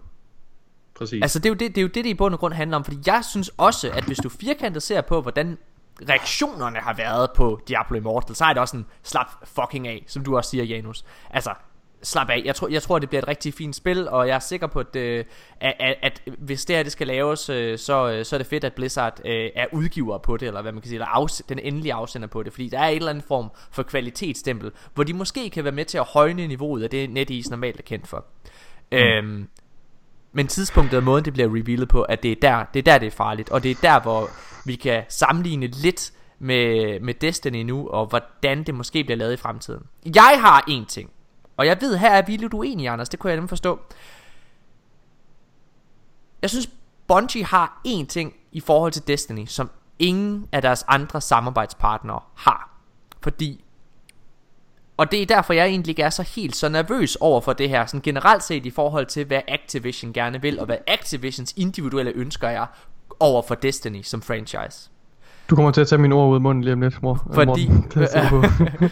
Fordi at øh, det der er interessant Bungie, eller undskyld Activision ejer Call of Duty De ejer Acti- øh, De ejer Blizzard Og alle deres andre franchises På nær Destiny Destiny ejer de faktisk ikke De har lavet en licensaftale Ligesom Disney har lavet en licensaftale med, øh, med, med, med EA om at EA her de næste 5 år, øh, så bliver, undskyld, 10 år, 5 eller 10 år, øh, har de fået lov til at have licensen til at udgive øh, Star Wars spil. Det er lidt den samme form for aftale Activision har lavet. Altså Bungie har jo de, altså, er jo notorisk kendt for at lave hardcore og fantastisk critically acclaimed spil Altså med Halo og, øh, og, og hvad hedder det, hvad Myth, Myth, Mythic, hvad hedder, hvad hedder det? Var det Mythic Myth. det? Med ja Altså de er notorisk kendt for at lave de her fede ting. Så de har opbygget pissegodt ry Og derfor går Activision ind og laver et samarbejde Da det er at Bungie trækker sig fra deres Microsoft aftale Og det er derfor at når Luke Smith han går ud og siger Hey det der det kan vi slet ikke genkende til Activision. Vi er super glade for der hvor Destiny er lige nu. Så skal det eddermame tages seriøst. Og det er også derfor vi mærker en kløft. Fordi Bungie kan i sidste ende vælge Ikke at forny deres aftale Med Activision Og det betyder og mig og Nikolaj, vi interviewede, øh, hvad hedder Deej og Steve Cotton, ja. øh, i, hvad hedder det, øh, i, tilbage i august. Og der sagde Deej faktisk noget af det samme. Vi spurgte ind til, om de nogensinde, hvad var det, vi spurgte om, Nikolaj? Ja, om, om, om, om, de, om de kunne se sig selv give, uh, give Destiny-franchisen væk til en anden udvikler. Præcis, og derfor det er lidt, ja. Over en, det er lidt over en anden boldgade, men alligevel er det ikke.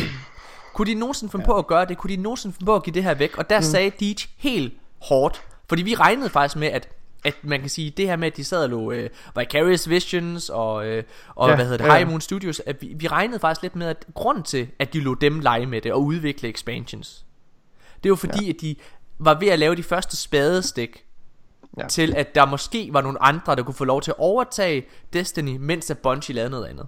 Så vi havde faktisk regnet med et ret politisk svar, du ved, hvor de sådan sagde, ah, jamen det kunne da godt være, at det en eller anden gang, agtigt noget i den stil. Det var slet ikke det svar, vi fik. Og der er faktisk flere, altså flere begivenheder, hvor de øh, demonstrerer, synes jeg, deres, øh, altså, at, at det er dem, der har kontrollen med Ja. hensyn til Disney-franchisen. Der var jo også al den her snak i, i forbindelse med, med, hvad var det, ja, de, sager, der har været. Der har faktisk været en del af de der sager, hvor, hvor, man, hvor Destinys fremtid ligesom kommer, øh, kommer på tale. Ja. Øh, hvad, hvad, hvad fanden var det? Det var i forbindelse med, det kan godt være, at det var dengang, de begyndte at snakke om, øh, at øh, Bungie var begyndt på et nyt projekt. Ja. Ja, det var, Øh, med, som det var faktisk med. NetEase. De har jo lavet NetEase Det var med NetEase, ja, også. Og, Ja. og give dem øh, 500 millioner dollars øh, Ja, præcis. til at skabe et nyt spil til dem. Og jeg synes bare, at hver gang, hver gang det her spørgsmål kommer, øh, kommer op med hensyn til, til Bungie og, og Activision og deres aftale øh, omkring Destiny, så synes jeg bare, at Bungie er ude i et eller andet omfang, også ligesom Luke Smith med det, med det nyeste tweet her, Ja. altså ude at demonstrere, at hey, det, hey venner, det er os, der har kontrollen. Ja. Vi, altså, Det, vi vil det bedste for, for, for den her franchise og, og for vores fans. Øh, og, og ja, de, har- de har sgu mig, jeg tror, jeg tror sgu på dem. Altså, det, det må jeg også sige. Så, som udgangspunkt, så synes jeg, at Bungie de demonstrerer, at det ligesom er dem, der har kontrollen, hvad angår Destiny-franchisen i hvert fald. Og, øh, og som sagt, det vi spurgte om, der, vi havde som sagt regnet med et andet svar. Vi havde regnet med et politisk svar, hvor de prøvede at snakke sig ja. Ja. udenom, så det var den mulighed lå der. Men det var et helt firkantet svar, der sagde, prøv at vi ejer Destiny. Og vi kunne aldrig, som det, som det ser ud lige nu, øh, og jeg tror ikke engang, det er den formulering, jeg tror endda, han siger, øh, hvad hedder det, vi kunne aldrig og har ikke nogen planer om nogensinde at give det spil væk til nogle andre, fordi det er vores... Mm. Ikke nogensinde, men på nuværende tidspunkt, Ja, ja, der havde de ja det er noget med, det er noget, noget på nuværende tidspunkt. Og jeg kan huske, de kiggede sådan på hinanden, Nikolaj. Mm. Altså sådan, Sådan altså undrende, Sådan, ja, undrende, sådan faktisk. nærmest over spørgsmål om, at det overhovedet kan komme på tale. Altså, det var ret tydeligt, at det var ikke en mulighed. Øhm, og jeg synes, at ligesom dig, Nikolaj, at Luke Smiths udtalelse på Twitter bekræfter det samme. At det Ja. kommer ikke til at ske. Men Anders, det er jo en, en 10 års uh, aftale, ikke, de Jo. har med Bungie. Det, det, det ved Ja. vi godt om, om Destiny. Og det er jo det, der, det, der er svært at vide, det er, hvor meget magt har de her Ja. investorer, de her shareholders. Det, der er lidt interessant, synes jeg, det er, at man bruger det her koncept som investors. Ikke? Fordi Jo. i gamle dage, gamle, gamle dage, ikke, så, så vil man ligesom have øh, dem, der køber aktier i virksomheden, ikke? det er shareholders. Og der var, det var jo lidt sådan en usagt aftale, at det gjorde man lidt på sin egen, øh, altså det var ens egen risiko. Hvis det gik godt for virksomheden, så fik man noget udbytte. Mm. Hvis det ikke gjorde, mm. så gjorde du ikke. Det var bare, hvad det er. Men det er jo så, der, der, er, der er sket sådan en magtskifte i, at nu, når man er en shareholder, så har man på en eller anden måde også magt til at sige, jamen, vi kræver, at I gør sådan og sådan og sådan med virksomheden, for at jeg kan få nogle penge. Øhm, ikke? Og nu, når man så snakker investorer, det er jo selvfølgelig lidt et andet land, hvor at, at typisk, når man er i sådan noget startup community, jamen så kommer der nogen, der siger, jamen okay, vi giver jer en pose penge for at hjælpe ja. jer Ja. med noget, men, så, mm. Men vi skal også have vores penge ud igen på en eller anden måde, ikke? Altså, I skal vækste på et eller andet sted hen. Men så sidder man sådan og siger, jamen Activision er jo ikke noget startup, altså Bungie er jo ikke noget startup, så de her Nej. investorer, hvordan, hvad, hvor, hvor, hvor ligger skæringen derhen, og hvad har de magt til at gøre eller ikke gøre? Og det er jo det, der er rigtig, rigtig svært, og det lyder jo desværre lidt som om, at de har på en eller anden måde, Mars skulle have sagt, i hvert fald over for Activision. Det, der gør mig nervøs her, mm. det er, at selvom at tidligere har, har i, i, i, den, i den finansielle verden, derhen, hvor man er ligeglad med, om det er et computerspil, eller om det er underbukser, man, man tjener penge på, der har spil ikke været noget, man tjente penge på. Det har ikke været en god investering. Nej. Altså, det har ligesom været det er almindeligt kendt, og det er derfor, jeg i, i mange tidligere gange af vores podcast har jeg været sådan lidt forsvarende over for det her med, jamen de er bare grådige, for jeg er bare sådan, nej, fordi hvis man er grådig, så er man slet ikke i det her game, altså så er man et eller andet andet sted hen, så sælger man sådan nogle pærer, der kun gælder tre måneder, så skal man ud og købe en ny pære, for det er der mange flere penge i, en, en spil, som er dyre at lave, som jo ikke tjener så mange penge. Men mm. det virker som om, at tingene er ved at skifte lidt nu, Ja. ja. at, de, at de er begyndt at skifte, ikke? der er penge at tjene nu i spil, og så kommer der mm. måske nogle andre spillere på banen, og det der er lidt uheldigt, og uden at vi skal trække de helt store politiske tråde her, men ikke når man så kigger på sådan noget som TDC her i Danmark eller noget, ikke? hvor, det, hvor det er sådan en, en pensionskasse, der, har, øh, der, der sidder og ligesom har, ejer det hele, og de vil bare have penge ud. Altså sådan, de, de er, er bedøvende ligeglade med, hvor godt det går. De er bedøvende ligeglade med, hvor, hvor godt Forsaken de sælger, for de vil bare have nogle penge ud. Og der er jo en ting, man ikke rigtig kan styre, det er, hvor, hvor god er kvaliteten, hvor, hvor mange mennesker har tænkt sig at gå ud og købe det her spil, hvor mange tænkt sig at gå ud og købe microtransactions, ikke? for det trods alt også påvirket alle mulige andre ting, og så er, Ja. nu foredrager klarer sig godt, eller hvad det er. Men en ting, man har styr på, og det er par tilbage på den artikel, som Andersen sendte os, det her med, hvor mange ansatte der er i butikken. Ja. Hvis man fyrer folk, så er der flere penge til overs til at trække ud til investorer. Ikke? Og det er mm. det, der gør mig nervøs. At, at måske kan de ikke fyre direkte Bungie-folk, men måske kan de sige, jamen, I får ikke nok penge til at gøre det, I gerne Nej. vil lave. Ja, Altså, og så er det jo sådan lidt, hvad skal Bungie så gøre, ikke?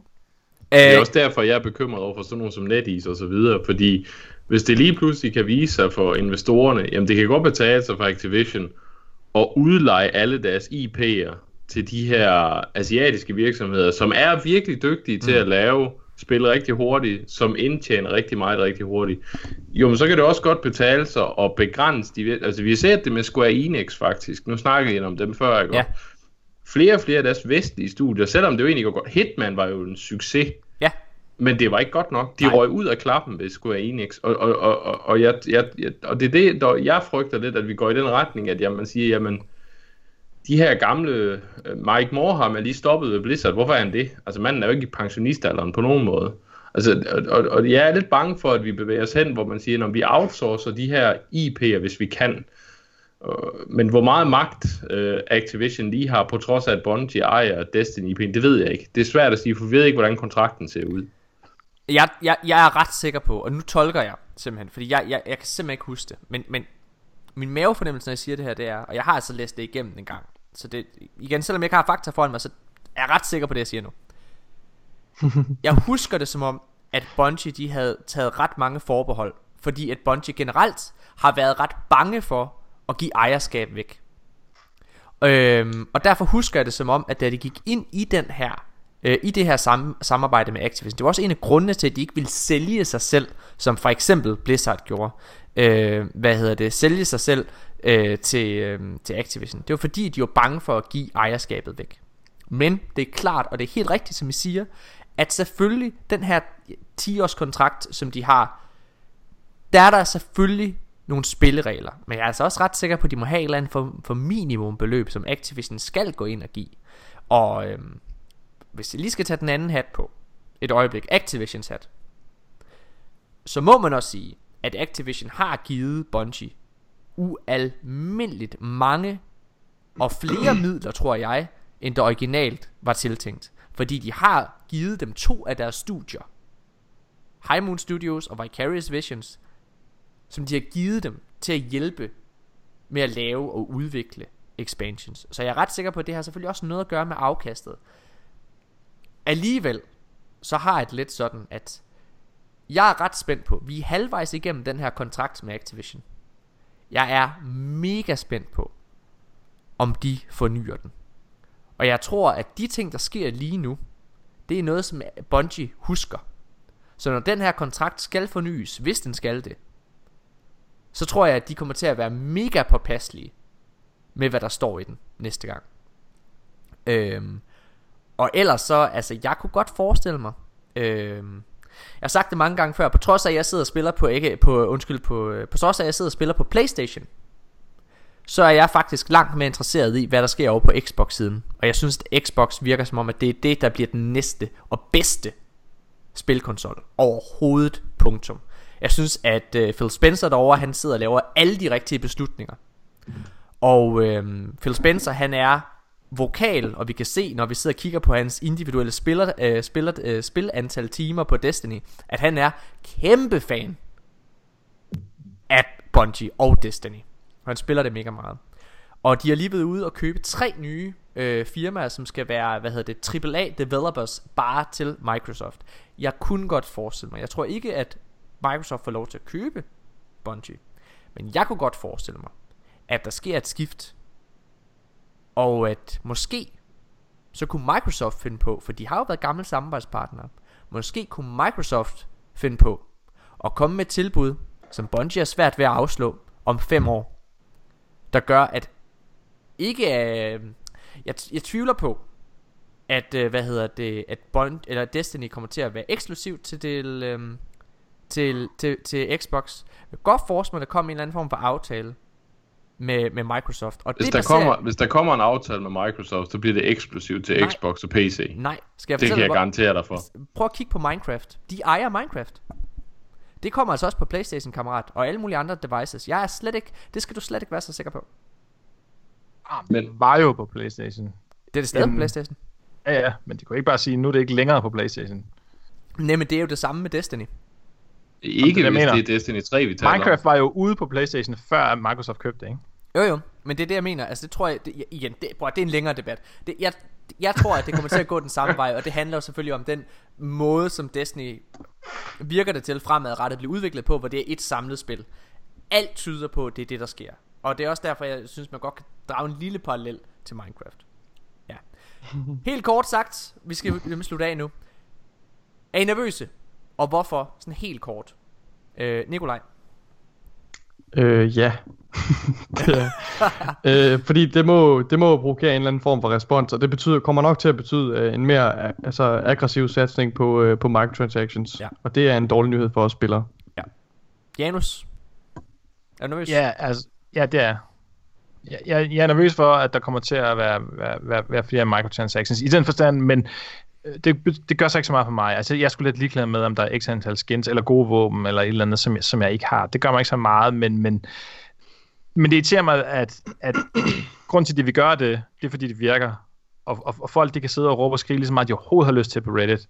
Det kommer til at sælge altså røven ud af bukserne. Ja. Fordi det gør det. Det gør det altid. Ja. Altså, der er bare en masse valer, som ikke er på Reddit, eller er ligeglade, mm. om som spiller boksen efter det, fordi de, de kan ikke styre sig selv. Ikke? Altså, øh, det skulle lige være, hvis øh, EU forbyder lootboxes, og, Ja. og vi kommer derhen. Ikke? Men, Mhm. mm. men altså, der er for mange penge i det, altså, og jeg er ikke sikker på, at det, det, er, en, det er en god ting for os. Og måske er det bare en negativ ting for community som sådan. Ikke? Hvis bare alle kunne tænke ligesom mig og være ligeglade med det, så gjorde det måske ikke noget, men det gør de ikke. Altså, de går amok ligesom Nikolaj. Og det er bare sådan, det skaber sådan en dårlig stemning. Altså, Ja, men problem, problemet er også, at jamen, altså, selvom du har, du har sådan nogle... Øh, nu bruger jeg et grimt udtryk, men du har rigtig mange idioter på YouTube. Ikke? også? Altså, du har rigtig mange som, som ekstremt højorienterede idioter, der sidder og råber og skriger omkring lootboxes, og jeg ved ikke hvad, og kvinder i gaming, og hvad, jeg ved ikke hvad. Men det er de samme samme klovner, som godt nok råber og skriger om det her, men de bruger alligevel penge på microtransactions. Hvis de ikke gjorde det, så fandtes de ikke. Altså, det er jo det, Ubisoft lige har været ude. Ubisoft er kommet med et regnskab nu, der viser, jamen det bliver købt. Hvis det Ja. ikke blev købt, jamen så var det ikke en forretning, der fungerede. Men så længe det bliver købt, jamen så er det klart, så bliver de ved med at proppe det i. Altså, øh, de, Altså er vote, fordi, with det your, fungerer. vote, wo- vote with your wallet Altså det er sådan det er ikke og, og jeg vil bare lige bare for at sige det Jeg synes at øh, Hvad hedder det Todd Howard tror jeg han hedder øh, Chefen for Bethesda Han øh, udtalte sig en gang virkelig virkelig klogt Omkring øh, At Skyrim nu blev udgivet på øh, På hvad hedder det på øh, Hvad hedder det på Switch hvor han sagde, hvad, hvor mange gange kan I blive ved med at udgive det samme spil, som udkom for mange år siden? Og så svarede han, prøv at høre her, hver gang vi udgiver det, så sælger det røven ud af bukserne. Når det stopper med det, så skal vi nok lade være med at udgive det igen. Øh, og det synes jeg selvfølgelig er rigtigt, så det har du en rigtig god pointe i. Anders, taler sidst, hvad, øh, er du nervøs? Øh, og hvis ja, hvorfor? Eller hvis nej, hvorfor ikke? Jamen, det er jeg. Det er jeg. Øh, fordi jeg, jeg, synes, jeg synes, der er et klart skæld, og jeg, jeg er bange for, øh, hvad det skal ende med. Altså også især fordi, jamen selv hvis... øh, Altså det var det, vi var lidt uenige om. Du sagde jo, der, der var en kø af folk, der ville overtage Bungie og Destiny. Og, og jeg tror også, der er en kø af folk, der gerne vil, men jeg tror bare ikke, der er en kø af publishers, der kan.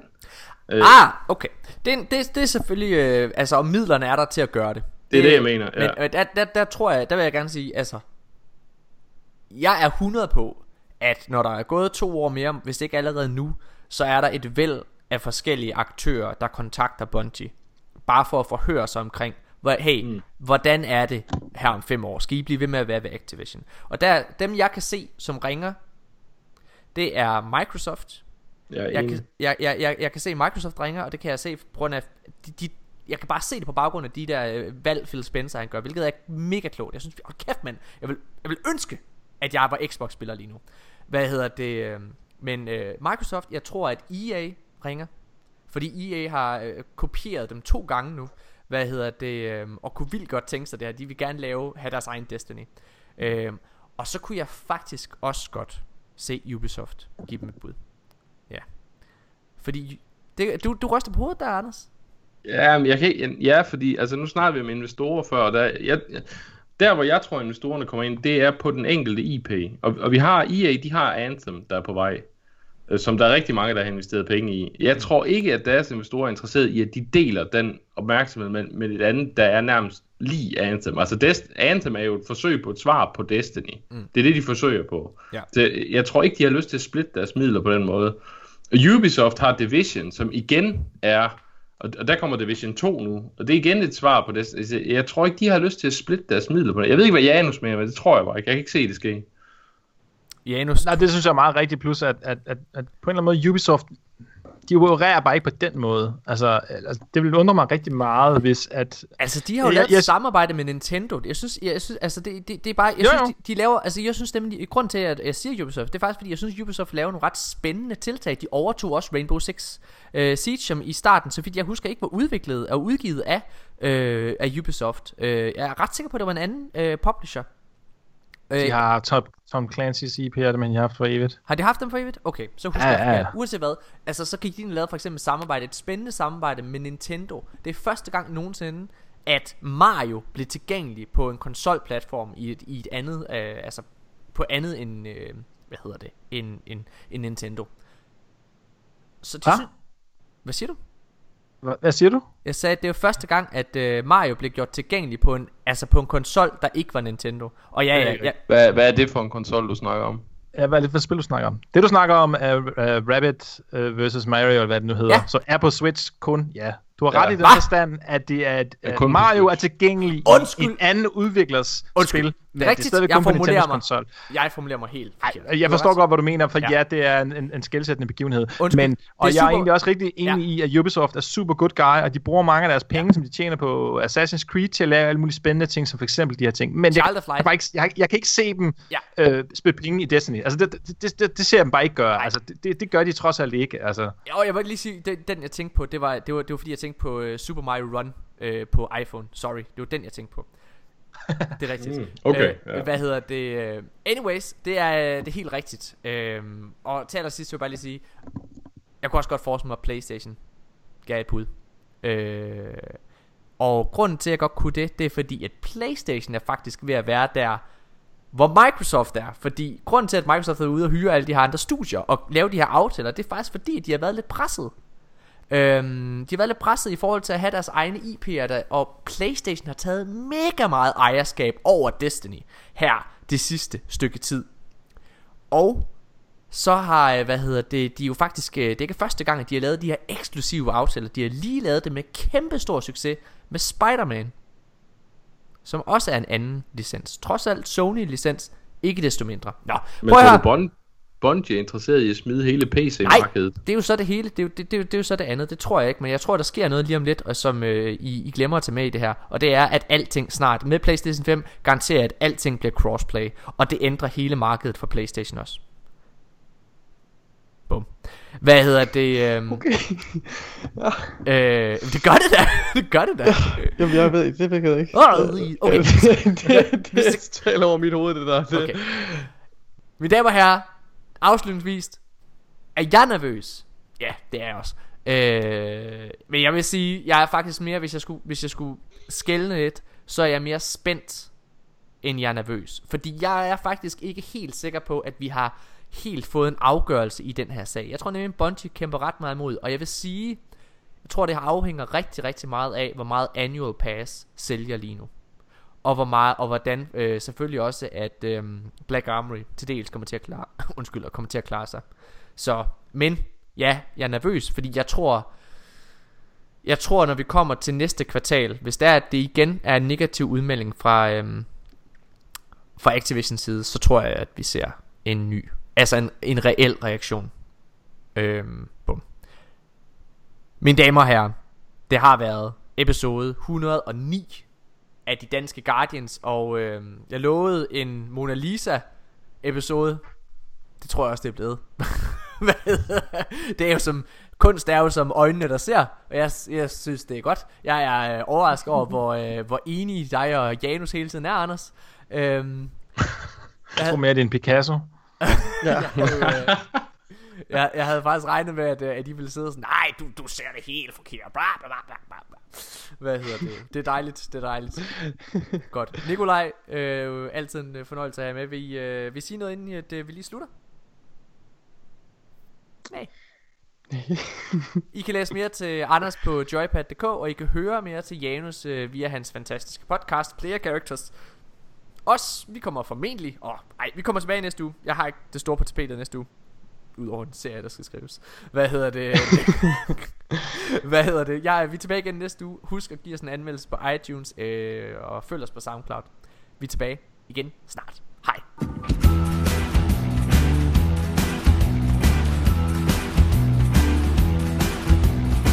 I've been really loving playing the woman, but it's getting kinda stale now. It's summertime. Hey, what game should I play? I just watched the trailer that premiered at E3. There's a brand new expansion coming to Destiny. Bungie, shut up and take my money. Forsaken, yeah, it's the next big thing. I haven't been this excited since the Taken King. Forsaken, yeah, it's the next big thing. Uldren's his back, he's got Kate Six on his knees. Exo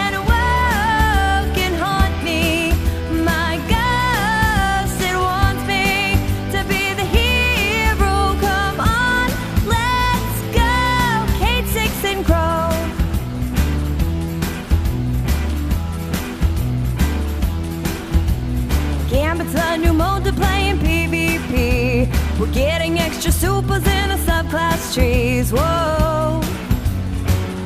Also arrows and bows.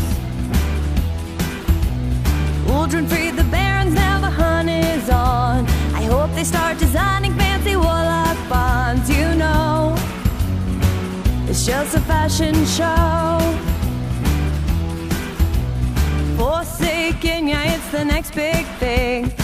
Haven't been this excited since the Taken King. Forsaken, yeah, it's the next big thing. Uldren's off his back, he's got Kate Six on his knees. Exo and woe can haunt me.